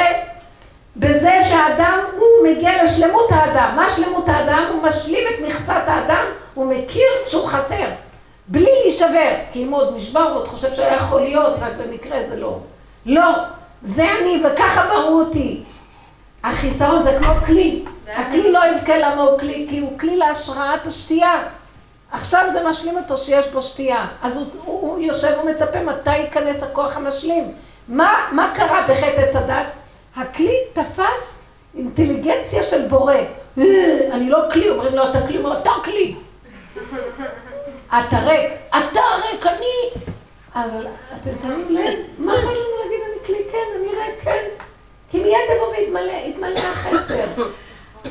וזה החטא שלא נותן לנו לצאת מהגלות הנוראה הזאת. אנחנו מאוימים משלילתנו, אבל שלילתנו יוצרת את הכלי שלנו. שלילת היש יוצרת מציאות של כלי, וזה סוד שרק איתו נצא מהגלות לגאולה. הסכמה להכל, נכון, נכון, זה הודעה באמת, נכון, נכון, הכל נכון, כן, הודעה באמת. כי אין שלילה ב... כי, לא, כי אם, מסכימים למקום הזה, ראיתי, אז, אז החיובי... השלילי החיובי מתבטל, הכל לא, מתבטל. כי הכלי נכנס בו אור, והאור של השם מתגלה עליו, אז הוא כבר לא מציאות מצד עצמו. זה היה דוד המלך, הוא הפך להיות כיסא של מלכות, של גילוי השם. אז הוא לא היה מלך, הוא היה כיסא למלכות של השם. אז השם אמר לו, אתה משיח צדקי. הוא היה, הוא היה מלך בפני עצמו, אבל הוא ביטל את מלכותו בשביל מלכות השם. הוא אמר, לא, אני רק הכיסא שלך, אני לא. וזה מה שמצא חן בעיני השם, שהוא הכיר שהוא הבין את כל יסוד הבריאה. למה השם ברא את הבריאה? כדי להיות כלי להכלת הבורא. ואנחנו לא מסכימים להיות הכלת הבורא, אנחנו יכולים ללמוד, להגיד השם, ואנחנו מתארים אותו ואומרים בתפילות, במיטבנו כבני אדם, אבל אנחנו תלינו אותו בשמיים ולא מוכנים שהוא ירד לארץ, כי הוא מאיים על קיומנו. אף אחד לא מוכן לגאולה, תכף אז הגאולה תרסק את האני שלך, כדי שתהיה ריק ואז השם יתגלה. עד פה. אני מוכן לעבוד אותו, לנסוע לאומן חמישים פעם ביום, וכל מיני דברים, ולעשות כל מיני עבודות. רק לא להתרוקן פה, לתת לאבא את האקמול ולוותר על כל... על הדברים, על הדמיונים שלי. על הטיול. כן, על הטיול. על אוטו. על אוטו. כן. מה שתיארת היום באמת זה משהו שגם אני הרגשתי אותו בתקופה האחרונה, עם פסח וכל ה... כן. אנחנו איפה עוברים את אותם ניסיונות, חבורה עוברת ניסיונות ממש, בצורה, בקפסולה מאוד מעוקבת. כן. איפה שלא יצאתי, ממש ראיתי רק את השלילה, באמת אמרתי כל עבודה בת מאה פנימה, עדיף להתכנס, יפה. לא לצאת בכלל החוצה. עד כדי כך שזה הביא אותי כבר ממש לעייפות, כל כך להתבונן על זה, שכבר... אפילו כן, היום אני. זוכרת שאמרתי, די, אני לא מרוכזת במה שאתם אומרים, אני נורא עייפה, אני נורא ככה כבר, אה, לא מייחסת כבר, שום דבר כבר לא ממש... גם לא הרשיתי, גם, מה זה לא הרשיתי? כבר אין איפה לברוח בדרך הזאת, אני כבר לא יכולה, אני אראה איזה משהו מעניין, אפילו משהו תורני, זה כבר לא מדבר אליי כל כך, אני לא יודעת איך להגדיר את זה. זה גם דמיון. אבל, כן. אבל הגעתי למקום שבאמת אף פעם בחיים לא הגעתי אליו, למקום שהקדוש ברוך הוא נעלם לי, פשוט נעלם לי לגמרי. אני אפילו כבר לא מדבר, אני לא מדברת, הייתה תקופה שהייתי נכון. מדברת, פתאום ביומיים האחרונים אני אפילו לא מדברת עליו, הוא נעלם לי. נכון. נורא מפחיד המצב הזה. תקשיבי, את יודעת מה נעלם? נעלם הדמיון של השם שהיה לך. ואת נכנסת יותר לגולם, זה מה שאני תיארתי, ממש, אפילו אין לי, אין לי שום טיפה של געגועים אליו, אין לי שום רצון, אין לי כלום. וזה התחלת הגילוי, כי את מתחילה להסכים שאת כלי ריק. כי אם עוד יש לך עוד השם, אז יש לך משהו. תשארי בה אין לך כלום. אין. עין. בעין הזה הוא מתגלה. וזה מפחיד, נכון? כי אנחנו, יש לנו עוד דעת שמתבוננת. זה מפחיד אותה. כי היינו רגילים לאיזה תוכן כזה שנקרא השם, השם, השם, השם. וגם את זה לדי- התרגלתי לדיאלוג הזה, אפילו אמרתי, כן. אני אומרת לעצמי, אני ראיתי מפונקת, ביקשתי, קיבלתי, הייתה תגובה, כן. עכשיו אין כלום, את אין יודעת כלום אני אומרת לך כלום, תישארי רק עם מילים פשוטות של מצוות אנשים מלומדם. תופסת את הסידור, אני אומרת את המנחה, בלי להרגיש יש השם, אין השם, כלום, לא מעניין אותי. זה לא קשור להשם בכלל, התפילות האלה. זה הדמיון של עץ הדת יצר מציאות של תפילות להשם. באמת, אני מתפללת כי חכמים ציוו, כי זה ועשית ככל אשר יורוך, נקודה. זה מה שאמרו, הלוואי יוציא עזו ותורתי שמרו, זה טוב, זה יותר אמיתי. כפו עליי הר כגיגית, אז אני צריכה לקבל את מצוות החכמים. אם זה מסתדר לי, לפי הסיבות. ואני בדרך נזכרתי שלא התפללתי מנחה, אז אמרתי לה לרגע, אני, אוי, יש עוד כמה דקות, אני אתפלל מנחה. ותוך כדי זה אני שמה לב שאין לי את הפלאפון באוטו. אז התחלתי להתעסק עם זה שמה, שכבתי אותו, חיפשתי, חיפשתי, חיפשתי, התקשרתי הביתה וכן הלאה, ואז כששאלו לי אז לקחתי כמה מספרים, ופתאום חזרתי ואמרתי לה, אוי, אני אשקיע, אין מנחה. אז לרגע נעצרתי ואמרתי לה, את רואה, היה לי רצון, הוא שלח לי, וגם הוא סובב סיבה. לא, שאני לא אתפלל. אין לי שום טיפת איסורים למה לא. כי ככה אני הייתי מוכנה מצוות אנשים מלומדה. אין לי תחושה שלו, אין לי גדלות, אין לי געגועים, אין לי שאר רוח, אין לי כלום. אני... רבו שלום אומר, תגידי קוקוריקו, זה אותו דבר. אז תתפללי, כי זה שעה כזאת, וככה עושים. זה טוב, הגולם חי בלי דמיון, והוא מוגבל, מדויק, זה טוב. אז האור גם שייכנס בו הוא מדויק, כי הוא בלי דמיון, ואין גניבה שם, אתם מבינים? זה מין ריק, פשוט, שעושה גולם. איך אני יודעת שזה היה גולם? כי גם לא היה לי צער, למה פספסתי את המלחום, זה הסחת הדעת, מה קרה? כי ראיתי שהשם סובב את זה, שסובב את זה, שסובב את זה, וזהו, לא קשור אליי, הגולם לא אכפת לו כלום. זה סיבות מסובבות אותו, תשארי שם. אל תצטערי, גם אין לך השם, זה מפחיד לרגע. אבל תפתחי, אני, אני פותחת את הפה ואני אומר, אני אומרת, למי אני אומרת? הלא אין השם, אני מדברת לדיבור. הדיבור הוא תרפיה מאוד טובה. אני אומרת, אבא, עצם זה שאני נושמת עכשיו, זה אתה ואין יותר כלום. לא רוצה שהמוח יגנוב אותי עם הסברות מה זה השם, וייתן לי סיפוקים ואיזה רגיעות שאני יודעת מה זה השם. זה דמיון, וזה כל הרוחני הזה, הרוחני הזה. זה לא לעניין בכלל כבר. יתחיל ליפול הכל. תדעו לכם שבעולם התורה האמיתי אין רוחני כזה, לא סובלים את זה. אבל קצת הלכו לאיבוד, כי כל העולם נהיה רוחני, אז לא נעים לו להיות רוחני. גם בעולם הליטי התחילו כאילו לעשות הדמיות רוחניות. זה פעם לא היה. אנשים עושים כי כתוב, כי מצווים, כי ככה. לא קשור לחפש את השם בכלל, לא מחפשים בעולם התורני את השם בכלל לא. רק את התורה. את החוקים, את הכללים, את מה שצריך, לא צריך, וזהו. ואז באו בעלי תשובה והביאו המון רוחני. כי יש להם גם איזו התעוררות, אבל מבלבלים את האור הזה, וזה מסוכן מאוד. אבל יש עניין, כאילו, פנימיות התורה ודור האחרון. עזבי, וזה גם לא- זה מסוכן. יש המון פנימיות סביב. צריך להיות אדם עם כלי מאוד מאוד מאוד נקי, כמו אריזה, שייכנס בפנימיות התורה. זה לא דבר פשוט. והם כולם ככה פנימיות ופנימיות. שמת לב, יש המון גוונים, של המון דברים ושיטות, הרבה דמיון. יש הרבה דמיון, והולכים לאיבוד עם זה גם כן. לכן הבלט שלו גם יש להם המון כאבים גם. נו, בוא תגידי, אז יש להם אורות, אז מה? יש להם גם נפילות ודמיון, זה דמיון. להישאר בפשטות, תעשו דברים פשוטים, תשארי בגולם, זה טוב. איזה טוב זה הגולם. אני שם, אני אומרת לך, אני פשוט טוב לי. לא, ברגע שאני מתחילה לפתוח את המוח ולראות את גולם, לא רוצה, לא רוצה להקשיב. גולם זה טוב שלום, עושים פה, נכנסים, יוצאים, סוגרים את הדלת. כלום, אין משמעות. אין משמעות, רק איזה כוח שמלווה ורואה שאין משמעות לכלום. ואז אני יודעת שאני מכינה את הכלי. ברור לי שזה הכנת הכלי. מבינה? הוא לא יעזוב אותנו. כי כן יש נקודה של, של, שפתאום יכולים להידלק, אבל זה לא יהיה ממך. זה יהיה משהו מדהים. ואת תדעי שזה לא שלך. וזה היסוד של אור חדש על ציון תאיר. תכירי בו, אבל צריך קודם כל לרוקד את הבית מכל החמץ ולאכלות בסדקים מכל השאור וה... וכל ההתנשאות של היש והדמיון שבאדם. וזו עבודה גדולה מאוד. ההכנה הזאת היא הכי קשה בעולם. זה לא למחשבות שלך ולא להרגשות שלך, הן הדמיות הכי גדולות. אנחנו חיים בעולם של הרגשים שתיה, אנחנו שותים. הילדים והרגשות והבעל, ובכלל הזוגיות, הגוזיות הזאת בכלל. כמה אמר הבעל והבעל וזה, זה הכל הדמיות. אין כזה דבר, אף אחד לא אוהב אף אחד בכלל. כל אחד רק מדומיין שאוהב את השני, כי בעצם אוהב את עצמו, גם את עצמו הוא לא אוהב, דרך אגב, הבני אדם גם את עצמם לא אוהבים. ועד שהם לא מגיעים למקום הזה לשרש את הכל ולראות את הקריק שלנו, אז אם כן, מה צריך זוגיות? כי אנחנו בגוף אדם, הדבר מצווים, ועל כן נעזוב אשתנו עמו ובונים בתים ויולדים ילדים, כי... אבל בואו ניתן לזה את הפרופורציה הנכונה, אנחנו חיים ככה כי זה לגוף הדבר יותר טוב מאשר להיות לבד, וזה מעסיק אותנו, זו תפקודיות שמעסיקה קצת את מציאות האדם, ושם הסיבות מופיעות. אבל בנפש הדבר צריכים להישאר שהאדם הוא עץ בודד בשדה והוא לא מתקלל עם שום דבר, רק עם בוראו. והבוראו שלו לא כמו בוראו שלו. כל אחד ובוראו כפי כליו. הכלי הזה יכיל את השתייה בצורה הזו, וכלי מרובע יכיל את זה מרובע. וככה זה. ולכן אין דבר דומה לשני, ולכן אין שני לו. ולכן אין עוד מלבדו, ולכן אין כאחדותו, כי כל דבר זה אחד ויחיד.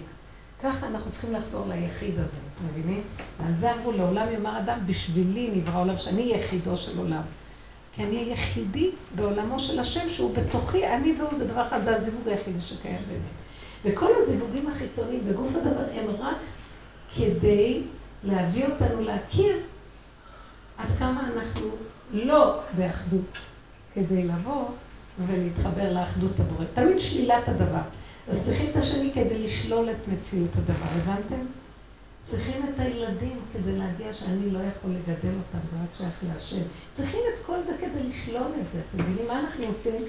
אה, נעצרנו בחצי הדרך ואנחנו מאמינים שזה חיובי וככה זה טוב. זוגיות וילדים ועניינים, נעצרנו באמצע, וזה הסבל הכי גדול מה שקורה לאנושות. נעצרנו באמצע, זה רק אמצע הדרך, צריכים לבוא לגאולה השלמה. מה הגאולה השלמה? לשלול את הכל. אין בעל, אין ילדים, אין, אין כלום. אתם יודעים מה אין? כתוב, וללוי אמר, בפרשת אה, זאת הברכה, שמשה רבינו מברך אותם. אז מה הוא אמר על לוי, שהוא מסמל בעצם את העובד השם בעם ישראל, כמו שהרמב"ם אומר שהלוי הוא בעצם הכהן של השם וכל מי שרוצה, לא רק הלוי והכהן, יכול לעבוד את השם לכל מי שידבנו ליבו, אבל הוא מסמל, אז הוא כותב שם. וללוי אמר, שכתוב בפרשה, תאומך ואורך לאיש חסידיך, אשר ניסיתו במסע ותריבהו על מי מריבה. האומר לאביו ולאמו לא ראיתי ותכב לא הכיר ואת בניו לא ידע. כי מצוותיך יצורו ותורתך ישמורו. שים תורה באפיך וקליל על מזרחיך וכן הלאה. תראו מה כתוב שבברכה של לוי. מה הוא רוצה לומר? מגיע, מגיע לעבודת השם, אין בנים, אין אבא, אין אימא, אין ילדים, אין כלום, שלום. הוא קשור ליסוד, ומשם הכל חי. יש מי שמחיה את המשפחה ואת... יש, יש בעל, יש אישה, אבל זה לא אני מחיה את הזוגיות, שאף פעם לא נגמרים להחיות אותה, היא לא חיה. צריך כל הזמן לעשות טריקים בשבילה. ויש מצב שהשם מחיה את הזוגיות, זה הדבר הכי נכון. הוא ברא את האיש, ברא את האישה, יש מי שיחבר ביניהם, איש ואישה זכו שכינה ביניהם. אבל אנחנו עסוקים בצורה לא נכונה. שכחנו שיש את הכוח המקשר, שאנחנו צריכים לחפש אותו, להביא אותו כדי שהוא ייקשר, ואנחנו מנסים לקשר את עצמנו באופן ישיר. ואף פעם לא מצליחים, כמובן. כי אין כזה דבר. כי חייבים לשלול את זה על מנת להשיג את האלוקות. מה עשינו? חייבנו את זה. לא, זה קיים. זוגיות, מחפשים את האהבה הזאת שאף פעם לא מצליחים להשיג אותה. וכולם מתגעגעים למשהו שאף פעם לא מוצאים אותו. שנבין שזה לא קיים ונצחק, אז זה יתחיל להתקיים. כי אז יגיע הכוח שמחיה את הדבר. נכון. וזה כל סוד הגאולה. להסכים לשלילת המציאות. וזה נקרא להחריש. זה לא להחריש, להחריש למהלך של הטבע שרוצה חיובי, ומפחד מהשליליות. אז מה זה נקרא לכבד את הבעל? את הבעל? כן. זה אומר שיש לי ציווי, כמו שאמר, מה נקרא להגיד מנחה? יש ציווי מהחכמים להגיד מנחה. אז אומרים, יש ציווי בגמרא לכבד את הבעל, אז מכבדים. הבנת? יש ציווי להזין את בניו ובנותיו הקטנים, וזו המצווה הכי גדולה שיש. הקטנים, הגדולים לא. הגדולים שיסתדרו לבד. הגדולים מגיל שש לא מחויבים. מגיל שש אני לא צריכה לתת להם אוכל? כן, זה חלק עוד שתיים שיצאו לעבוד. הכל מאוד פשוט, שימו לב מה הדמיון עשה. הכל מאוד פשוט. ארץ ישראל, עיני השם אלוקיך בה תמיד מראשית שנה ועד אחרית שנה, לאן נלך? תישארו פה ואין לאן ללכת, תגלו את השם פה, וזה קשה, כי אנחנו מלא דמיונות. צריכים להפוך את ארץ ישראל, לעקור את כל העבודות זרות שלנו ואת כל הגויות ואת כל הגלות שנמצאת עדיין פה בארץ ישראל בתפיסת הפסיכולוגיה שלנו. ואז נגלה שיש ארץ ישראל ושיש השגחה פרטית פרטית כל רגע ורגע, אין לאן ללכת. נאבד את הזמן ואת המקום, אין לאן ללכת, האוצר נמצא פה. אז זה צריך לעבוד עליו, לגלות הבנתם? איך מגלים אותו? קודם כל רואים כמה אנחנו מדומיינים, כמה אנחנו רחוקים, וכמה אנחנו בתוך ארץ ישראל בשיא הגויות. אנחנו לא בתפיסת ארץ ישראל באמת, למרות שאנחנו גרים בארץ ישראל. אנחנו בפסיכולוגיית הגלות. הבנתם? ואם היינו חיים בפסיכולוגיה אמיתית של השם, לא היינו מפחדים מאף אחד, לא היה אף אחד פה. לא היה ערבי ולא היה כלום, לא היינו מפחדים מהקיום שלנו, כי היה מפרנס אותנו רגע רגע. היינו חיים חיים של קשר ודבקות הבורא, והלוואי והשם יגלה לנו את האור הזה עלינו. אנחנו אבל צריכים לתת לו משהו אחד, לשלול, להכיר את הדמיון ולשלול אותו, לצחוק ממנו. זה מאוד קשה, מאוד קשה לאדם להיפרד מדמיונו. תהרגי אותו, הוא בנוי מדמיונו. הוא מרגיש שכאילו הורגים אותו, הם לוקחים לו את זה. אבל לא ירד לו טיפת דם, זה רק דמיוני, הכל וירטואלי. הוא חי ולא קורה לו כלום. יש לו איסורים בנפש, כי הנפש היא מדומיינת. זאת העבודה שלנו. אז איך את מנקה את זה בהתחלה? איך? איך מנקים את זה בהתחלה? איך מנקים את הדמיון? תסתכלי, עכשיו תראי, העבודה היא כזאת, בתהליכים של השיעורים האלה הרבה שנים, אנחנו עובדים, שאם משהו מרגיז אותי, אז השני, בואי נגיד, השני מרגיז אותי, אז לא להגיב. לראות שאם נצליח להרגיז אותי, יש משהו בתוכי שמתרגז, שהוא נגוע. אז תעזבי עכשיו את השני, הוא רק היה מראה והמקל והסיבה, ועכשיו תסתכלי מה זה מראה לך בפנים. מה המקל הזה מראה.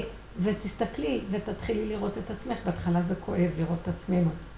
אנחנו אומרים, מה, זה אני, זה לא, אבל זה רק במקרה, ואני בסך הכל טוב, כי אנחנו מאוד מכורים על החיובי, מאוד מאיים עלינו השלילי.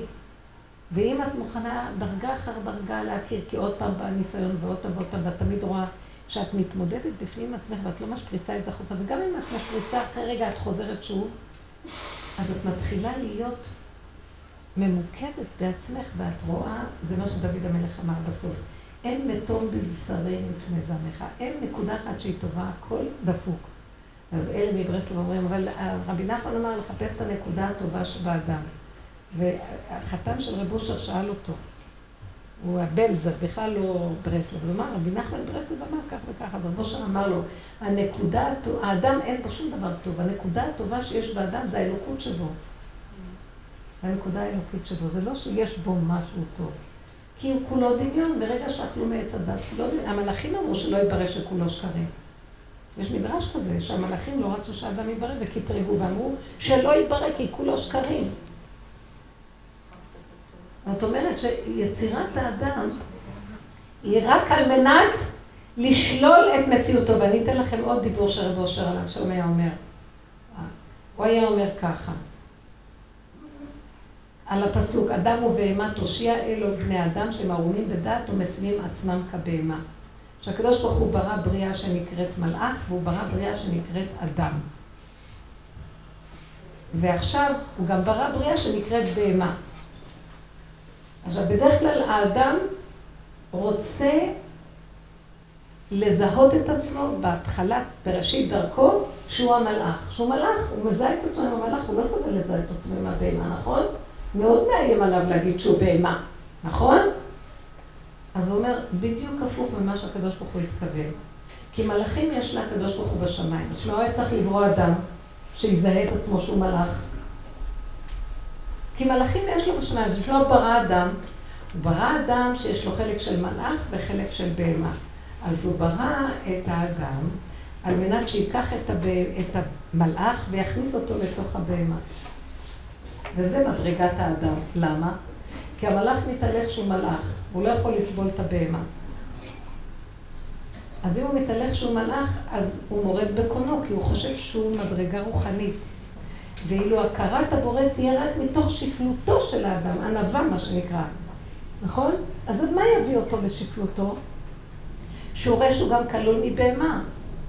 והוא יראה, הוא ייקח את כל כוחו השכלי וישים אותו על הבהמה. כי הבהמה לא, אז, אז תברא בהמה. לא, כי הבהמה לא רואה את עצמה. ואדם יכול לראות את עצמו כבהמה. הבנתם? לבהמה אין הכרה שרואה את עצמה, אבל האדם יכול לראות עצמו או מלאך או בהמה. שיקח את השכל המלאכי שלו. בראשית דרכנו אנחנו כל הזמן מפתחים, כמובן, מ"ט שערים של כל הגלות, כל הזמן להזדהות עם החיובי. אנחנו מלאך, אנחנו דרגת אדם, עושים מצוות, מעשים טובים והכל הכול. אבל החלק האחרון, לראות את עצמנו כבהמה שממנה נבוא לגילוי הבורא, זה אף אחד לא רוצה לעשות. והשער האחרון הזה, זה מה שממתין. שאדם ייקח את דעתו, וזה מה שאנחנו עושים, וישים את זה על שליליותו. שמעת מה שאת שאלת? שאדם ייקח את השכל שלו, במקום להאשים את השני, שיסתכל על עצמו ויכיר את פחיתותו, את מידותיו הגרועות, את שקריו, את גנבתו, ויודה בזה. וזה נקרא לשים את התודעה המלאכית, השכלית, על התודעה הבעמית, על המציאות הבעמית. וזו המדרגה שבשבילה נברא האדם. זו שיא המדרגה. ועל זה אמרו, אדם ובהמה תושיע בפסוק בתהילים, זה אלו בני אדם שהם ערומים בדעת, יש להם כוח של מלאך בשכל. מלאך זה הכוונה שכלי נבדל, כוח שכלי, והוא הצליח לקחת אותו ולהכניס אותו לבהמה, וזה הדבר הכי קשה. שכל גבוה, לשים אותו בבהמה, רבי עקיבא, כשהוא היה עם הארץ, אמר, מי ייתן לי תלמיד חכם ואשכנו כחמור. לא סבל תלמידי חכמים, כי עם הארץ לא סובל תלמיד חכם. האדם הנחות לא יכול לסבול את האדם המשכיל, הוא מרגיז אותו, האדם המשכיל. קחי את האדם המשכיל, ושיסתכל על עצמו ויראה את הבהמה שלו, אין שחיטה יותר גדולה מזאת. אם הוא נשאר חי, הגאולה שמה תבוא. כי רק ככה יכול השם להיכנס, כי הוא לא יכול להיכנס כל עוד הראש שלנו מורם שאנחנו במדרגת מלאך. צריך לבוא לשפלות והכנעה, וזה דוד המלך אמר, בהמות הייתי עמך. לכן כל הגלות וההתנסות שעברו על עם ישראל, זה הביא אותנו לשפלות. מה בדור האחרון, כל התפיסה של הגויים, של החיובי, והרמנו ראש, כולם חיובים יותר מהשני. כל אחד יותר מהשני. ואנחנו מאוד מאוימים מהשלילי. אז זה לא באמת מטרה להיות שלילי, כי יותר טוב להיות חיובי בטבע מאשר שלילי. אבל אם השלילי הוא אמצעי להשגת הבורא, זה טוב להיות. ונשתמש בו כאמצעי להמליך את השם, כי אני לא יכול לא להרים ראש. כל רגע אני רוצה להרים, והבהמה עוזרת לי לא להרים ראש. כי היא אומרת לי, על מה תתגייר? ראית איך אתה נראה? תצחק על עצמך, הבנת? זו מדרגה. וזו עבודה תמידית של כל הזמן הפנמה והפנמה והפנמה, עד שהמוח הזה נופל. של הגדלות, ונהיה הכנעה וענווה, וזה היה דוד המלך, הוא אמר, ואני תולד ולא איש חרפת אדם ובזוי עם. ומשה רבנו אמר, ואנחנו מה? מה אנחנו שאתם מתלוננים? אנחנו לא מציאות בכלל. ואברהם אבינו אמר, ואנוכי עפר ואפר. הם באמת התכוונו למה שהם אמרו, כי הם הסתכלו על מציאותם והגיעו לשפלותם. הניסיונות שאדם עובר בחייו, זה על מנת להביא אותו למקום הזה. מה קורה? באמצע הוא נשבר, כי זה הפך החיוביות שלו, אז הוא נשבר, הוא נהיה מדוכא וגם הולך להתאבד. במקום להגיד, אבל אתה הבאת את כל הניסיון הזה שאני אוריד ראש, ואני אגיד לך, אני לא יכול ואני חסר, וגם אני לא אשבר מזה, כי לכך נוצרתי, ולכך בראת את הבריאה, שאתה תתגלה בתוך הנברא החסר, וזה שלמותך והיא גדולתך. אז למה אנחנו נשברים, הבנתם? כי הגאווה לא נותנת לנו, הישות של עץ הדת לא נותנת, ואת זה צריך לגשר. להתעקש, לא להישבר. להתעקש להודות באמת. מי שמחפש אמת, שיודה באמת, ולא לפחד. האמת לא מפחידה. האמת לא ביישנית ולא פחדנית. ככה אומר חובת הלבבות. מי שרוצה אמת צריך שיהיה לו לב חזק להגיד את האמת, וזהו. מה יש לנו להפסיד, רבותיי? האדם שאומר את האמת ומודה ומסתכל על עצמו וצוחק, אין בן חורין יותר גדול ממנו בעולם. מי יכול לאיים עליו? שיגידו, שיעשו. שלא נגיע לניסיונות. אז השם יזכה לנו שהדרך הזאת במטרתה, בסופה, באמת ביסוד הסופי שלה, היא להיות כלי ריק שמסכים להכל וצוחק. ועכשיו במקום הזה זה פורים. אז התגלה אור גדול מחיית עמלק, שזה האגו הזה, וגילוי השם ניסים. ואיך היו הניסים במגילת אסתר, דרך אגב, מסמך בסוף? הכל בטבע. הכל יהיה טבע, גוף הדבר. שותים ואוכלים ונהנים ושמחים, וזה שום דבר לא רוחני. במגילה הזאת אין שום דבר רוחני. אפילו לא מופיע שם שם השם בגלוי. הכל בדרך טבע, ואיזה נס היה להם. התהפך ברגע אחד הכל. וכאילו הכל בטבע. סיפור מייסיס, סיפורי מעשיות. המן וחרבונה וזרש, ופתאום באו וביקתן לתרש, ופתאום זה, והוא פתאום, והכל פתאום. שנת, שנת המלך נדדה, והכל זה מין כמו איזה חצר המלך במסווה של סיפור, סיפורים בשנים קדמוניות, משהו חמוד, מתוק, והכל זה גילוי אלוקות. אני גם מתפעלת מהסיפורים של רבי נחמן, אף פעם לא מופיע בהם כמעט סממן יהודי. שמתם לב? זה השורשים העליונים של התורה, מידות. המידות זה השורשים של התורה. סיפורים. סיפורים על ילד וילדה שנעבדו ובת מלך ומלך ונסיכה וקיסרית והיה איש כזה. מאוד יפה, המידות, כל מידות וזה מאוד יפה. זה שורש התורה העליונה, היא שורשה במידות, וכל השאר זה דעות. המידות יותר עליונות מהדעות. הקדוש ברוך הוא יזכה לנו לגאולת אמת, אמת כן יהיה רצון. זה, מסכים, תקשיבו, כל הניסיונות שאנחנו אומרים, אל תשמעו, אל תיקחו אותם ברצינות, תצחקו. זה שאת לא מרגישה שיש השם. עשית הכל כבר, לאן את, מה את עוד רוצה? תסכימי, תסכימי. את לא חשודה שאת, שאת טעית במשהו. גם אם טעיתי, זה מה שאני. פעם מישהי צעקה, היא אומרת לי, אולי את טועה.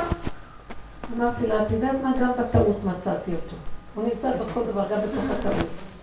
אין דבר שהוא לא נמצא שם, אז אין לך שום ייאוש תצחקי, תצחקי. תגידו לו, השם, איבדתי אותך.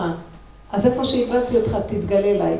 כתוב, דוד המלך אומר, טעיתי כשה עובד. אז ברגע שהוא אמר, טעיתי כשה עובד, אני אומרת, פתאום השם אמר, מצאתי דוד עבדי. כי הוא טעה, זה היה מה שימצא אותו. אם הוא לא ילך לאיבוד, מי ימצא אותו? אז השם מצא אותו. מי יחפש אותו? מי יחפש אותו? הבנתם? אז גם שם אין ייאוש כלל, טעיתי כשה עובד, והשם אומר, אז מצאתי את דוד עבדי. כי הוא, היה, הוא הסכים ללכת לאיבוד.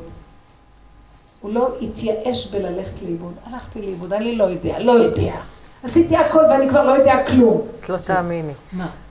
היא תהרוג אותי. מי? החברה שטסה לאומן, עכשיו שולחת לי הודעה, הניסיונות התחילו. כל, הש... כל הקומה של היוגה, איפה שהיא מלמדת, הוצפה בביוף. וואו. היא אומרת, אבל רק חזרתי עכשיו, איזה ניסיון. כי שם היה כל כך מלאכי הכל. צריך להיזהר מהמלאכיות. לא, ארץ ישראל היא הבדל מהמלאכים. חוץ לארץ סוגדים למלאכים. ארץ ישראל אין מלאכים, הכל פשוט פה. אוכלים, שותים, יושבים. הכל גשמי והכל אלוקי. אתם יודעים את זה? אצל אומות העולם יש מלאכים, יפייפות, ויש להם כנפיים, ויש מלאכים. אצלנו זה נקרא עבודה זרה. פשוט אוכלים, שותים, הולכים, באים, נכנסים. יש גדרים שהתורה מרשה לנו, לא יותר. אבל אין דמיון מלאכים. תרדו מזה. זה שקר, הכל שקר. הרוחני הזה מסוכן. איפה שאני מפחד, שאני רואה שאני שם אלך לאיזה משהו חיובי, אני נורא מפחדת מזה. זה מאוד מפחיד. כי אין לי כוח לסבל ולמכה שאחריכם, אז אם יש חיובי, יש לי, אין לי כוח. אני שואפת לקו האמצע, ושלום על ישראל. ברוך השם, השם יתגלה עלינו ימין ושמאל תפרוצי, ואת השם תעריצי.